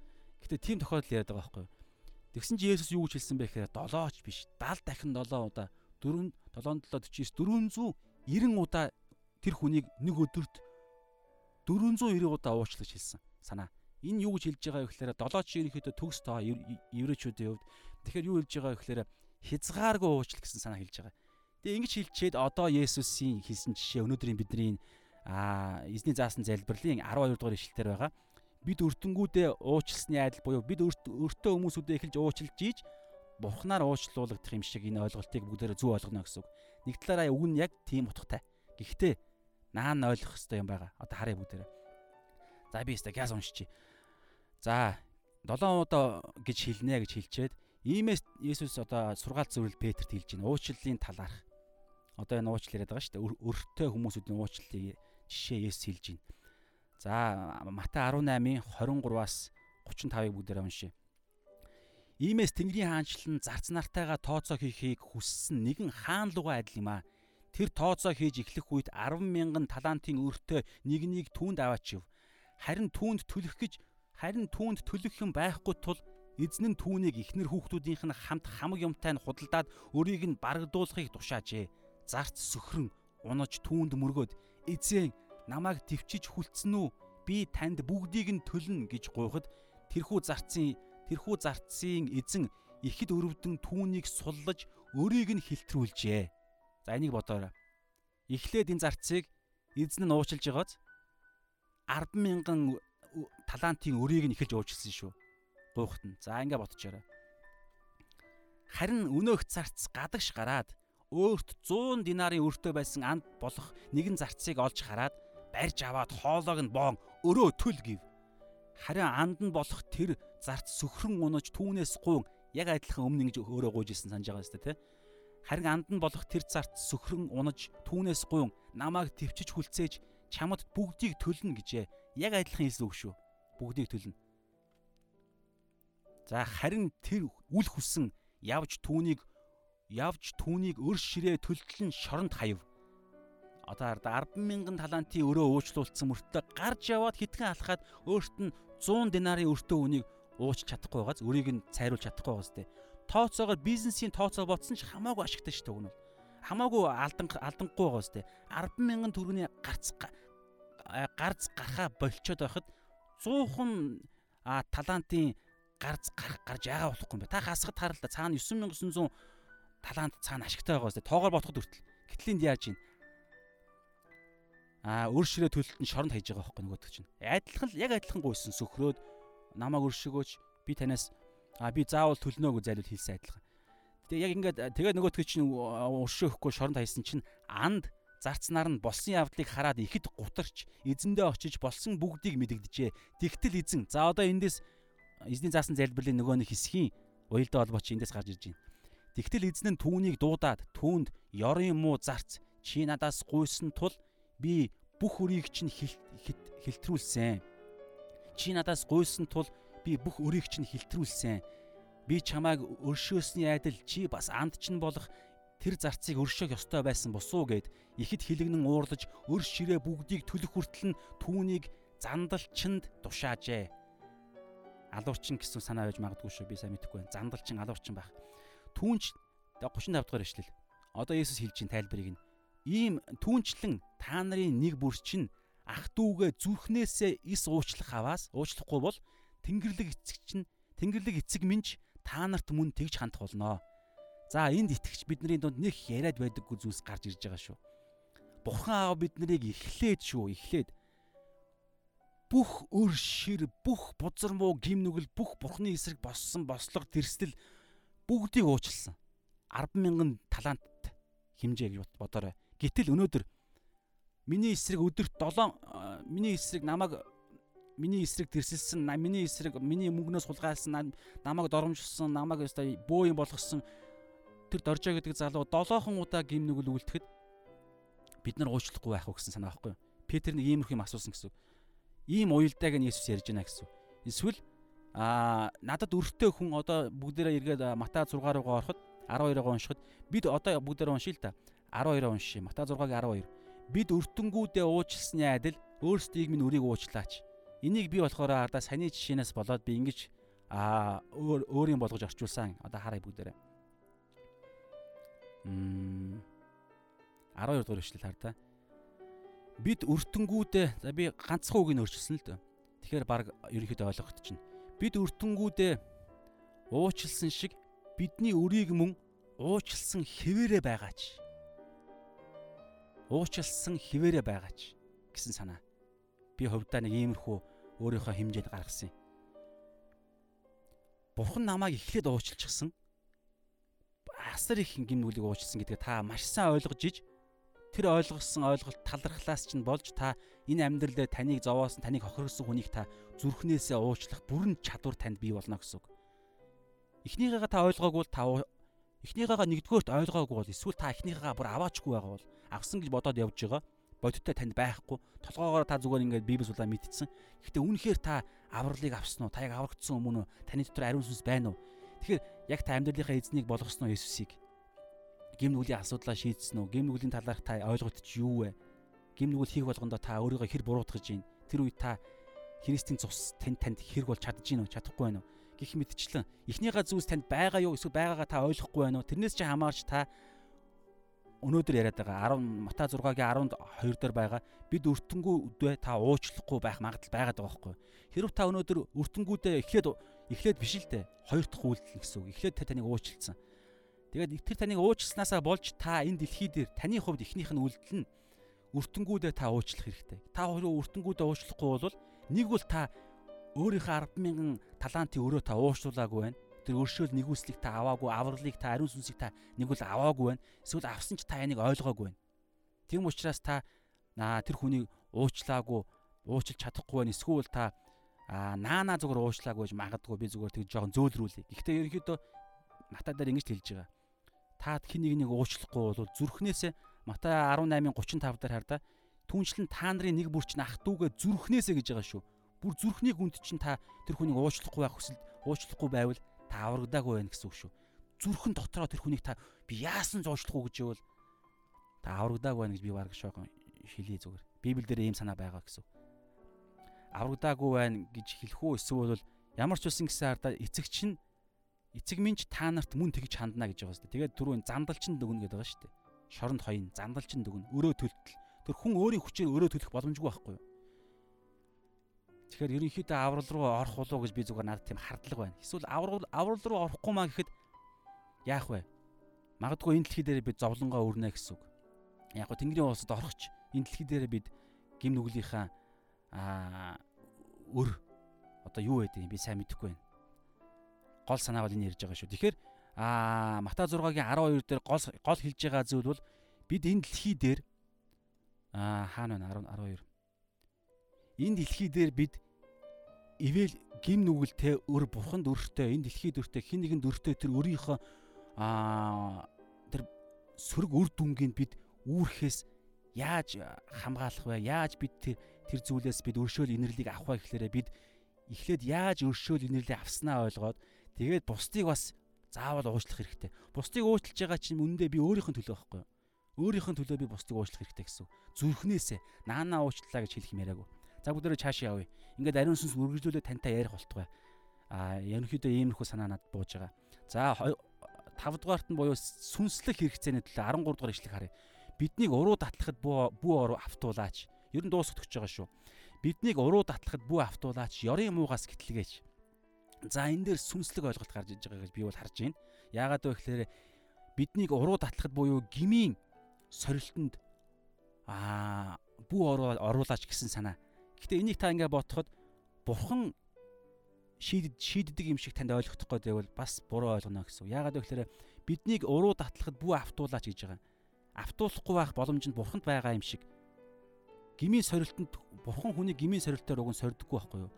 Ёрын муугаар биднийг сорддоггүй гэж Библиэлд байгаа. Гэхдээ энэ болохоор ёрын муугаар муугаас биднийг авраач. Ёрын муугаа ёрын муу уруу татлахаас биднийг бүү автуулаач гэдэг байгааз. Уг нь хүнээс хамаатай болж бурхан оролцох ёстой юм шиг яриад байгаа байхгүй. Ерөнхийдөө тэгж ярьж байгаа нь үнэн. Бүгдээр харъя л да. Би энийг бас өөрийнхоороо ингэж ойлгосон юм. Бас жоох өөрийнхөө болгож өөрийнхоороо ингэж битсэн байгаа. Аа гмийн сорилтонд орж байхад минь ариун сүнсээрээ сануулаач гэсэн санаа. Гмийн сорилтонд аа гмийн сорилтонд орох тэр мөчөд ариун сүнсээ та хөндлөнгөөс ор бүү автуулаач буюу бурхан минь та өөрөө хөллөнгөөс оролцооч гэдэг чинь ариун сүнсээрээ оролцож байгаа шүү дээ. Есүс зааж өгсөн ийм ийм гим нүгэл гэдгийг зааж өгсөн. Гим нүглийн бүр нарийн төвшөнд хүн алахын бүр нарийн үрийг нь биднэрт зааж өгсөн санаж байгаа бол тий. Тэгэхээр тийм төвшөнд Есүс өөрөө заасан ариун сүнс бас сануулна гэсэн уурлах үед гмийн сорилтонд орох гэдэг нь шүү дээ. Би уур уцаарын тэгээ цаашаараа уус цаашлаад ууралсан ч нүгэл бүүлдэгээд гэдэг шүү дээ. Тэгэхээр уураасаа болж ингээд бүр гим нүглийн дараагийн сорилтонд орох гээд байх үед Есүс хийх юма хийсэн. Нөгөө нэг бүү автуулаач буюу хөндлөнгөөс оролцсон юма Есүс хийсэн ариун сүнс бас тэрийг сануулдаг. Сануулна. Хэрв та энэ хэсгийг уншсан өөрийнхөө хийх зүйлээ хийсэн бол ингэж оролцсноо гэсэн үг. Тэгэхээр энэ үед аа гим нүглийн сорилтонд орох үед та яг тэр үед миний ямар нэгэн байдлаар та заавал сануулаач. Тэгэхгүй би аюултай шүү. Би уруу татагдсан шүү гэсэн. Миний сүнсэн тохиролтой.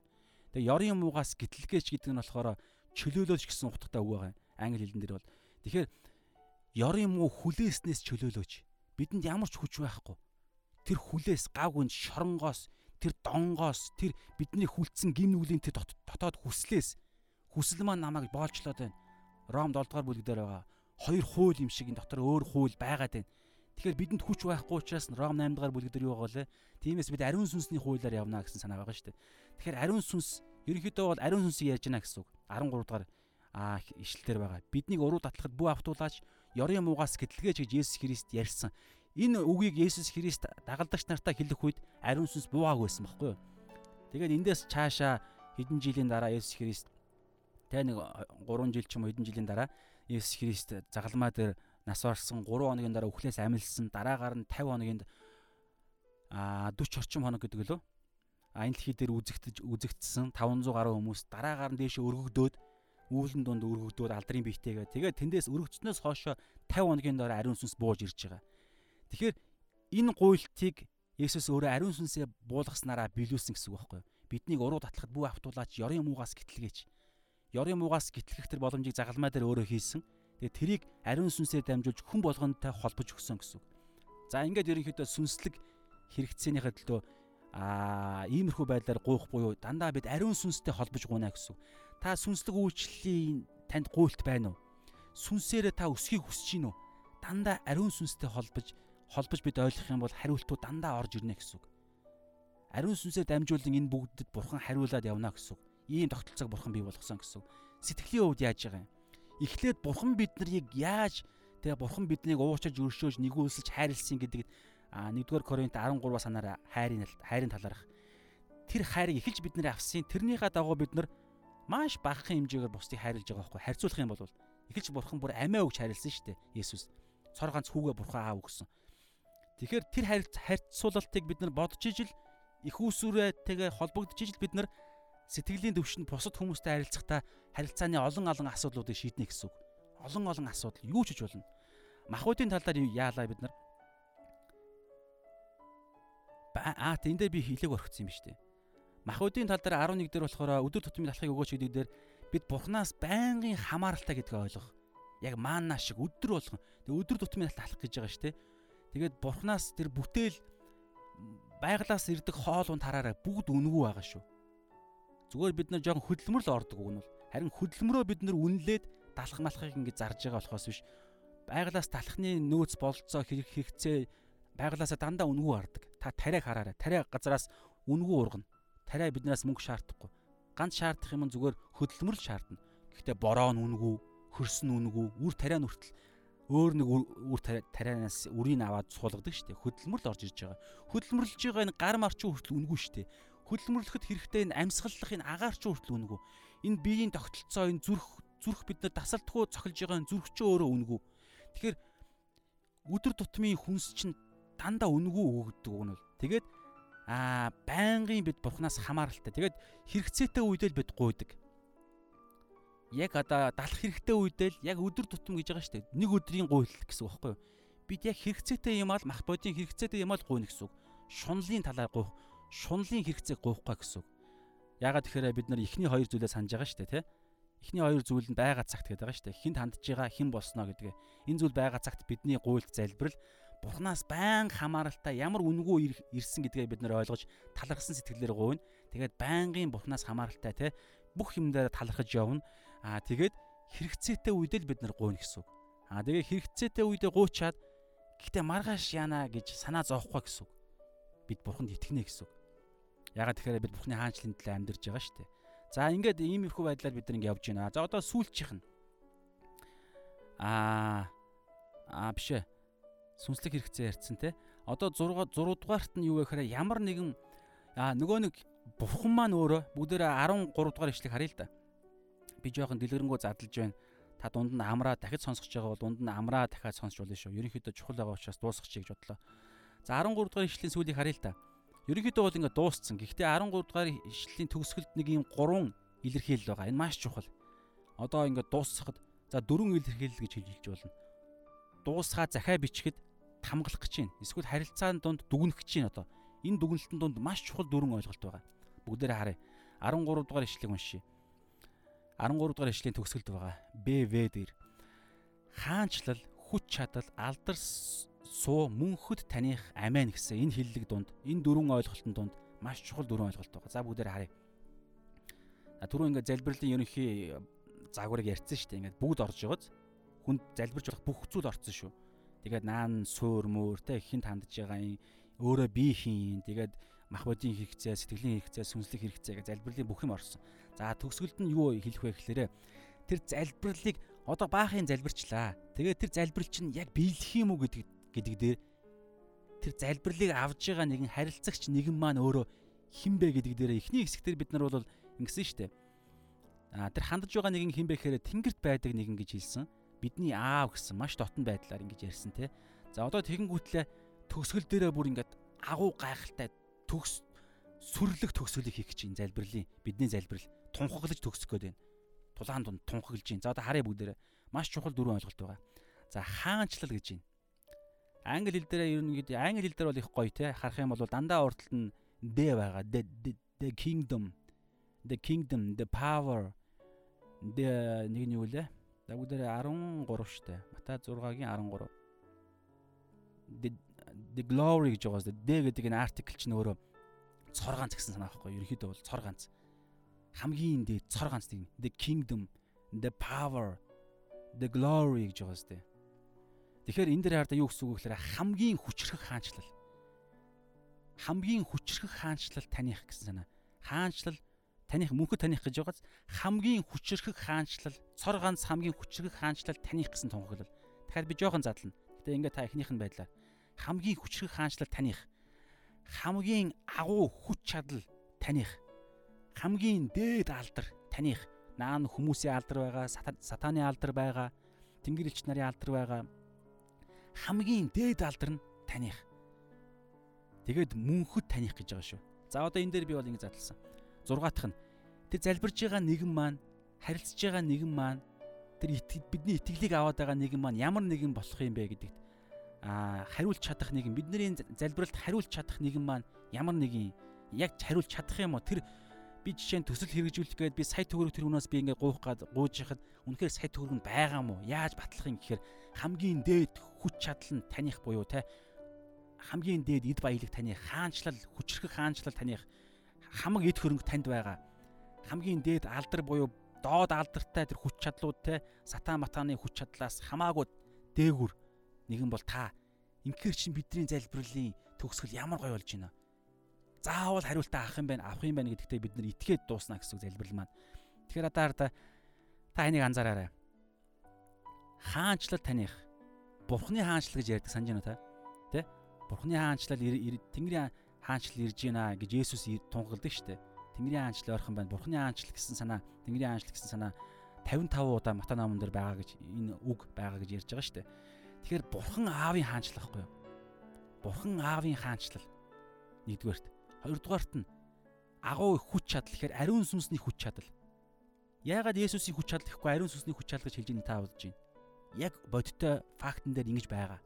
Эхлэл номыг харах юм бол эхэнд явах нь тэнгэр газрыг бүтээж газар нь эзгүй хоосон гүний гадаргуу дээгүүр нь харанхуу бүрхэж бухны сүнс усны мандал дээгүүр илэн хайлж байлаа гэж байгаа. Тэгээд аа бурхан бурхан аав нь өөрөө эхлэл нэгдүгээр бүлэг дээр гэрэл би бол гэж үгээ хэлэхэд энэ үг нь өөрөө Есүс гэрэл би болов гэж байгаа тэр болж байгаа тэр процесс хүч нь өөрөө үүлэгдэж байгаа хүч нь ариун сүнс واخхой. Тэгэхээр ингэж орчлын ертөнцид бүтээсэн агуу тесрэлт эволюци онд бол биш. Тэр эволюцийн он бол зөвхөн тэр ариун сүнсний бий болгож байгаа тэр үйл явцыг л тайлбарлаад байгаа юм зайлвал. Тэгээ цаатахын чад бид нар мэдэхгүй. Уг нь мэдж байгаа боловч тэд нар итгэхгүй байгаа гэсэн. Библиэл дээр угаасаа байгаа. Тэгэхээр хүн амь амьд амьд оршигч болоход бас тэгсэн. Адамыг бурхан ихлээд юугаар бүтээсэн? Юу лээ? Шороогоор бүтээсэн. Тэгээ амин амьсгалыг нь хамраар нь үлээж оруулсан. Энэ үлээлт чинь өөрөө бурханы сүнс واخгүй ариун сүнс. Тэгэхэд хүн амьд оршигч боллоо гэж байгаа. Өнөөдөр инх тайвны таны батад оржоо цэцгээд улмаа таны сүнсний сүнс чинь өөрөө ариун сүнс анх анхандаа ариун сүнсээс гарсан хуг хүний сүнсүүд байхгүй юу. Тэгж Адамын дотор тогтолцоо тэгж бий болсон уг нь бол. Тэгээд хүн гим нүгэл үйлцснээр яах вэ?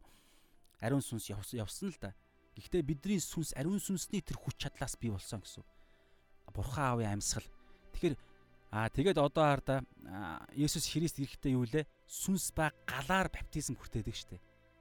Тэгээ ариун сүнсний эрен үе явж байна. Ариун сүнсний хүч чадлаар өвчнүүдийг эдгэхдээ Есүсийн нэрээр ариун сүнсний хүч чадлаар хийдэг байхгүй юу?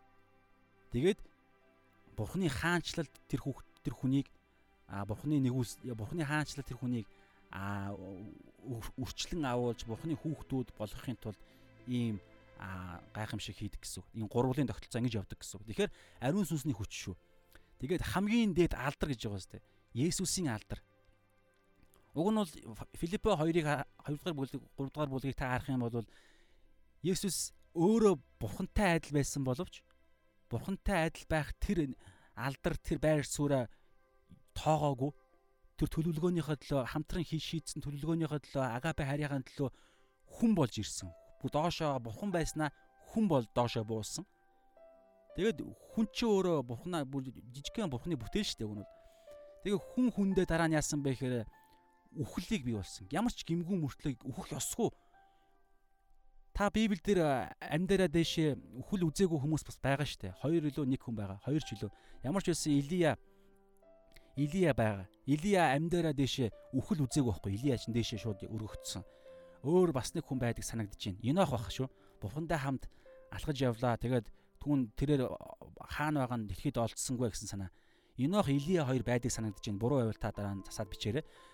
Тэгэхээр Есүс чинь Тэр тусмаа Хинох Илия хоёр чинь гин нүгэлгүй мөртлөө үхлийг үзээгүй дэшээ нэгүслэр өргөгдсөн байтал Есүс чинь ямар ч гин нүгэл үлдээгүй хүн зориг л биш бол Есүс үх ёсгүй байсан байхгүй. Гэхдээ зориг нь учраас зоригтой тэр нь авралын төлөө байсан учраас үх бурхан байснаа бүр бүтээл болсон. Би ийм мундаг бүтээл байснаа би ийм мундаг энэ аяг маяг хідэн зуугаар нь бүтээх аюу гайтугай ингээл энэ жааз маас гэрэл мэрэл энэ шилмэл бүгдийг бүтээх чадaltaй тийм хүч чадлаа би юм ч нэ үзэхгүйгээр би энэ аяг болёо гэж хэлсэн гэсэн санаа авахгүй баг.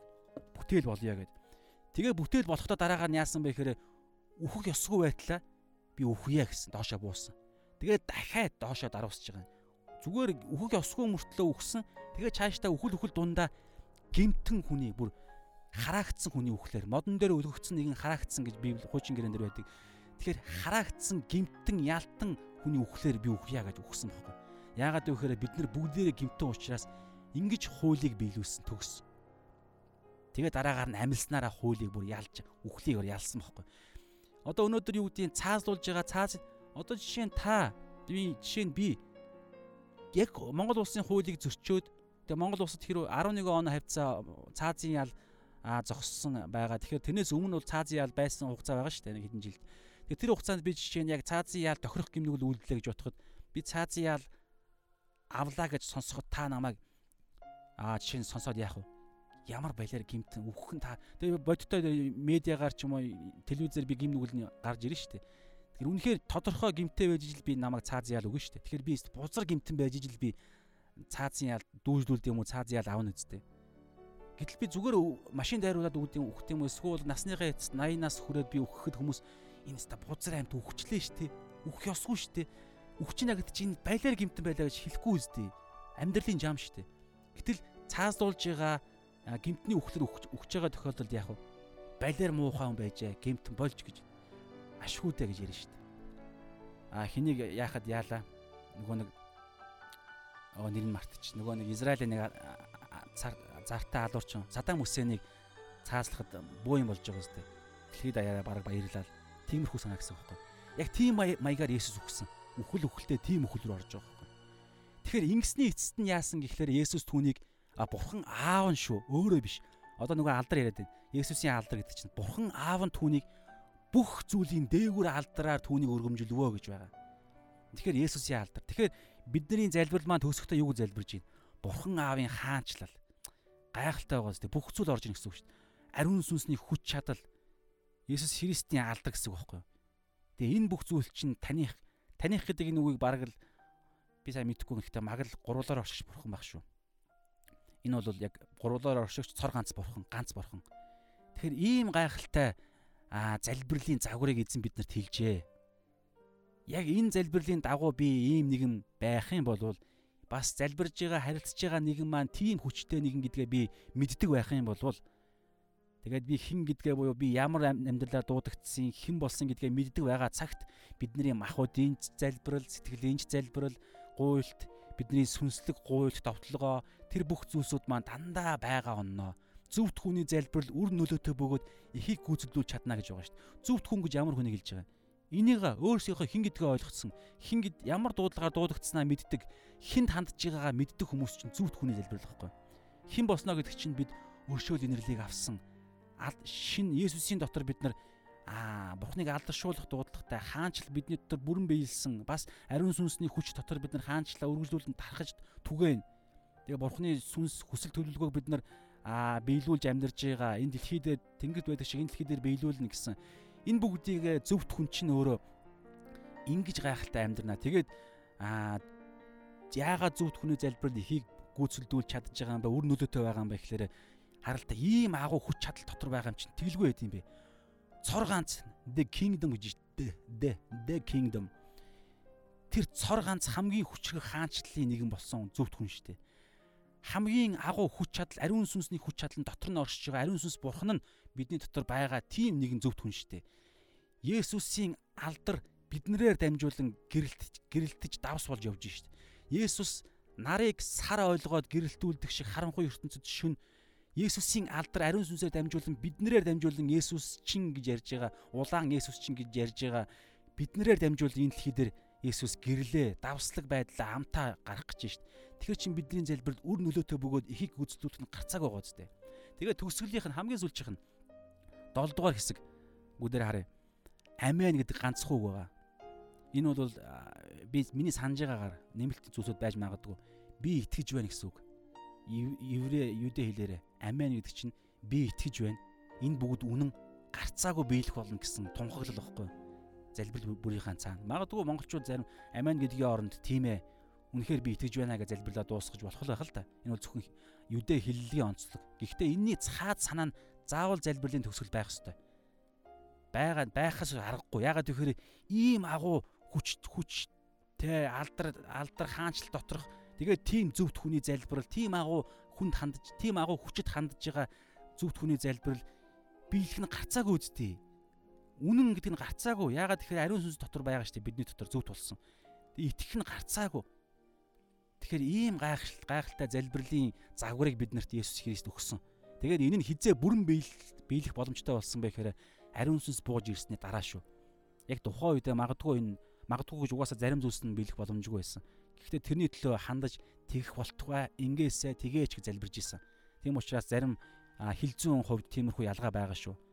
Тэгэх болтугай малтугай гэж. Зарим ер нь бол бүгд биелсэн. Тэгээд тэр биелсэн энэ төгс болсон юм дотроо өнөөдөр бид нар энэ зарчмаараа энэ долоон хэсгээрээ бид нар өдөр бүрийн маань залбирал ингэж энийг дотроо ингэж бүр бидний дотор шингээсэ тэгэх юм бол гайхалтай зүйл болно. Тэгээд яг хуу 15 14 15 дээр яг нэмэлт тайлбар нь би түрүүн тайлбарлсан л да нөгөө нэг хамгийн ойлгомжгүй байгаа хэсгийг Есүс өөрөө хүртэл хардаа амар гоё энийг ойлгохгүй байх магадaltaй гэдгийг мэдэнгүүтлээ шууд тайлбарлсан байгаа байхгүй. 10 12 дугаар эшлэл бид өртөнгүүдээ бид өртөнгүүдээ уучлсан адил өөрсдийн минь өрийг уучлаач гэдэг дээр дис дараа нэг жоох ойлгомжгүй байгаа учраас Есүс төгсгөлт нэг залбирж байна. Тэгээ бас дахин дахин давтаж байгаа нь маш чухал. Бид нар ойлгох ёстой. Бүгдээ 14 15-ыг уншил та. Хэрв та нар хүмүүсийн алдааг уучлбал дараараа нөхцөл байгаад байгаа зү. Яалтчгүй нөхцөл байгаа шүү. Энийг бид нар битгий бичээсээс үгийг хасаараа итгэж дүүс нар минь. Гэхдээ энэ бүгд маань ариун сүнсний хүчээр боломжтой болсон шүү дээ. Тэрэн дээр та тайван байж болно. Хэрв та нар хүмүүсийн алдааг уучлбал Хэрвээ би хин нэгний надад гаргасан алдааг би уучлах юм бол гимиг уучлах юм бол Тэнгэрлэг эцэг чинь миний алдааг бас уучлана гэж байгаа сте. Харин энийг та заавал сайн ойлгоорой. Заавал энийг санаарай. Харин та нар хүмүүсийг ис уучлвал эцэгч нь мөн алдаагч нь ис уучлана буюу уучлахгүй гэж. Ийм юм ярьж байна. Дахиад нөгөө 12 дугаар ишлэл рүү холбож байгааз. Тэгэхээр дахин дахин давтаж байна. Матай 18-ийн Матай 18-ийн за 23 гэхээс илүүгээр 21-ээс 35 хүртэл бас энийг давтаж байгаа. Есүс байн байн хилээд байна. Тэгэхээр юу Яаков ном бас энийг хилдэг.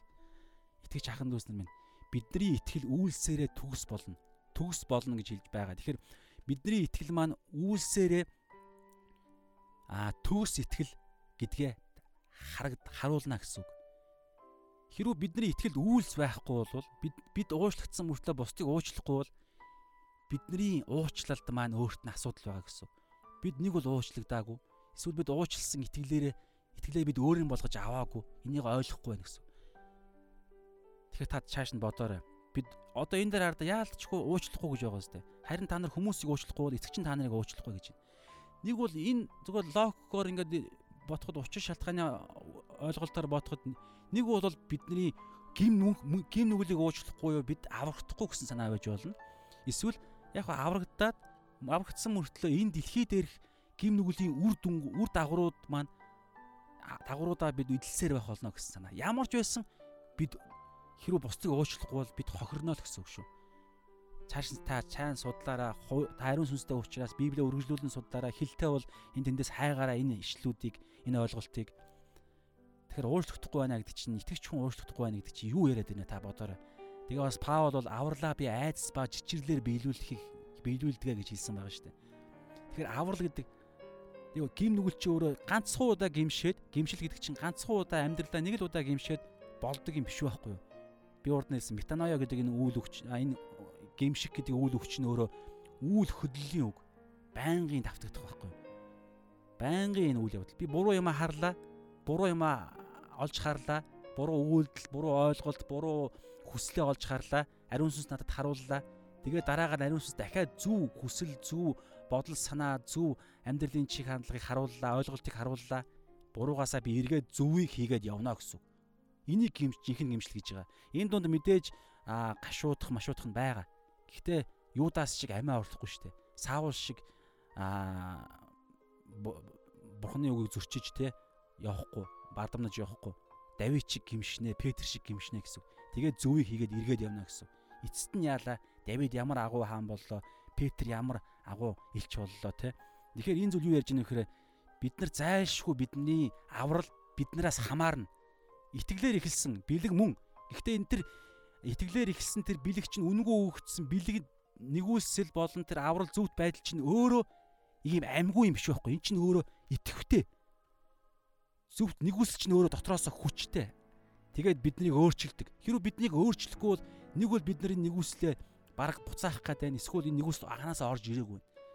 Тэгэхээр хэрвээ үнэхээр орж ирсэн бол зайлшгүй та өөрчлөгдөнө. Аа тэгээд та зүрхнээсээ бид нар бусдыг уучлах биднэрт үүрэг байгаа. Тэр нь биднэрт ашигтай байна. Бид уучлалыг авмаар байна. Энэ яг ямар уучлал байх нь хамаагүй. Ямар ч уучлал байсан, ямар ч уучлал байсан хамаагүй бид нар авмаар л байгаа зү. Тэгэхээр бусдыг уучлая л да. Яагаад уучлах юм гэхээр бид нар уучлалыг авсан биз дээ. 10 мянган талантын гим нүглээ уучлал уучлуулчаад 100хан талантын өртөө найзыгаа би уучлж болохгүй гэж юм. Тэгэхээр тэр анхныхаа хэсгийг ойлгохгүй би баг сүнсэндээ ядуу гэд биш байгаад байгаа юм. Ядуу биш би баян гэж хэлж ийн гэсэн үг шүү дээ. Би баян бурхны надад уушлал хэрэггүй гэж хэлж байгаа гэсэн. Тэгэхээр сүнсэндээ ядуу гэдгийг ойлгоогүй юм бол баг тэнгэрийн хаанчлал ороогүй юм шүү та гэсэн санаа зүгээр байгаа шүү. Гэхдээ бид нар амьд байгаа учраас үргэлж боломжтой байна. Тэгээ үнэн өнөөдөр тунхаглагдж байгаа учраас үнэн биднийг чөлөөлнө. Сонголт үргэлж нээлттэй. За бүгдээ хамтдаа залбираад өнөөдрийн цагийг өндөрлөө тий. А Енох гэж энэ цэгээ баяр маань Илия нэг нь Енох юм байна. За зөв хэлсэн юм шиг байна. Би Енох гэсэн баха. За. За бүгдээ хамтдаа залбирая. Тэгээд өнөөдрийн цаг маань нэлээд удаа явсан ч гэсэн чухал цаг байлаа. Таслахаар боломжгүй учраас нэг дор ингээ байх нь зөв гэсэн бодлороо явчлаа. За тэгээ бүгдээ хамтдаа залбирах та. А ерөнхийдөө энэ баг юм одоо нөгөө юу лээ? яг энэ загварынхаа дагуу залбирсан ч болж байна. Эсвэл тус болгон дээр нь сэдв болгон дээр нь хэсэг болгон дээр нь залбирсаж болно. Тэгэхээр та өөрөө хүссэн залбирлаараа хийгээрэй. Аа тэгээд харин одоо бүгдээр яг нэгдсэн залбирал гэдэг утгаараа төгсгөлд нь яах вэ гэхээр энэ төгсгөлийн хэсэгдээ залбирая тэхүү. Энийг энэ дээр залбирая бүгдээрээ хаанчлал хүч чадал алдар суу мөнхөд таних амен гэсэн энэ ойлголт ойлголт дээр залбирая. Эзэн бурхан минь таньдаа бид талархаж байна. Аа энхүү гайхалтай амьдрал руу биднийг оруулсан таньдаа баярлалаа. Тэгээ эзэн минь та өдрөөс өдөрт та өөрийгөө биднэрт илчилсэн эхнийх нь хэсэг буюу те та өөрийгөө биднэрт илчилсээр үргэлж таниулсаар байгаад баярлалаа. Аль эзэнэ та онцгой илчилт болох тэр Библиэрээ дамжуулан биднэрт өөрийгөө бүрэн илэрхийлсэн байгаа. Бид нар л залах угаасаа болж эсвэл бид нар л хуваа хичээсэн хуваа бодсон байдлаар Библийг тайлдгаасаа болж таныг буруу ойлгоно гэхээс биш бүгд бичээстэй байгаа. Тийм учраас эзэн минь танд баярлалаа. Энэхүү гайхалтай өөрийгөө илчилсэн илчлэлт болох Библиэд танд талархаж байна. Мөн эзэн минь Есүсээр дамжуулан та намайг ариун сүнсний хүчээр Есүсийн тэр гайхалтай авралын зүйл үйл явдлаар дамжуулан намайг та өөрийнхөө хүүгүүд охтууд болгосонд баярлалаа. Бас эзэн минь та үхлээс биднийг өнгөрүүлж чөлөөлж эрх чөлөөнд гаргасанд баярлалаа. Мөн эзэн минь та биднийг үхлийг захирах эрх мэдлийг өгсөнд баярлалаа. Гин нүглийг захирах нэгүслийг өгсөнд баярлалаа эзэн минь. Танд талархаж байна. Тэгээд эзэн үнэхээр бид мах бодийнхаа хэрэгцээ, сүнс сэтгэлийнхаа хэрэгцээ, сүнснийхаа хэрэгцээнүүдийг бид хэрэгцээнүүдийн талаар бид залбирахтаа өнөөдөр та энэ хэсэгт Бата 6-гийн 9-оос 13-т хэлсэнчлэн мах бодийн хэрэгцээнд дотор залбирахтаа ч гэсэн бид ямар зүйлээ ойлгож залбирах ёстой. Сэтгэлийн хэрэгцээндээ залбирахтаа бид бас яа залбирах ёстой. Сүнслэг хэрэгцээний төлөө залбирахтаа ч гэсэн бид ямар зүйлээр дамжуулан энэ бүгд маань хариултаа ирэх вэ гэдгээ ойлгодог байж ижил бид таны хариулт ирэх үед Бурхны хариулт ирлээ гэд баярлах тэр ойлголт харах хүлээ эзэм минь. Харин бид таага яаж ажилдгийг яаж бидэнд хариултаа өгдгийг бид мэдэхгүй бол та бидний залбиралд хариулсан ч бид зүгээр нэг бол аз нэг бол зүгээр л тохиолдол эсвэл зүгээр л би өөрийнхөө хүчээр энэ зүйл болчлоо эсвэл зүгээр л а бурхан надад тайртай юм чинь надад өгж гинэ гэж бодох байх. Гэтэл яг тухайн тодорхой нин залбирал ингэж хариуллаа гэдгийг мэдсэн цагт уг нь бид дадлагжаад бид улам чадвар чадваржаад эргээд энэ маань зэн ихтгэлд маань хэрэгтэй билээ зэн. Тиймээс аава биднийг та өдрөөс өдөр шинжлээрээ зэм. Тэгээ төсвөлд нь хаанчлал, цор ганц хаанчлал бол таних эзэн мэдрэмж биш. Энэхүү бурхан аав таны хаанчлал дотор бид нэгдсэндээ талархъя мөн ариун сүнсний тэр агуу цор ганц агуу хүч чадал бидний дотор яг одоо нутгал нутаглаж байгаад би талархаж байна. Мөн эзэн минь Есүс Христ таны тэр агуу гайхамшигтай даруй байдлаасаа ирсэн даруй байдал дээр өгсөн тэр агуу алдар хамгийн дээд алдар хамгийн дээд алдрыг эзэн та биднээ дамжуулан энэ дэлхий дээр гэрэлтүүлэхээр эзэн биднийг сонгосон учраас талархаж байна эзэн минь. Тэгээ энэ бүгдэд бид амен гэж хэлий. Итгэж байна. Энэ бүгд үнэн гарцаагүй биелэх болно. Есүсийн нэрээр амен. За талархъя. Энэ цагийн төлөө талархъя. Маргааш хүртэл баяртай. За тэгээд аа энэ хүү хэсгийг маань та аа энэ хэсгийг та скриншот хийгээд ч юм уу те эсвэл ингээд пауз дарж ягаад бичиж авч болно. Хэрэг хүсвэл та энэ файлаар ч авч болно шүү. Би линкийг явуулчих болно. Та мессеж бичээрэй. Юу руу доор нь комент хэсэгт бичээрэй. Тэгэх юм бол би тавьчихад бусад хүмүүс ч гэсэн таны комент тавьсан тэр юугаар авах байх шүү. За тэгээ цаашаага бүгдээр хамтдаа үргэлжлүүлэн хаанчлалын төлөө болон хаанчлал дотроо ивэл зөрөөлөө хангамжаа хариултаа авсаар байцгаая. За шалаа.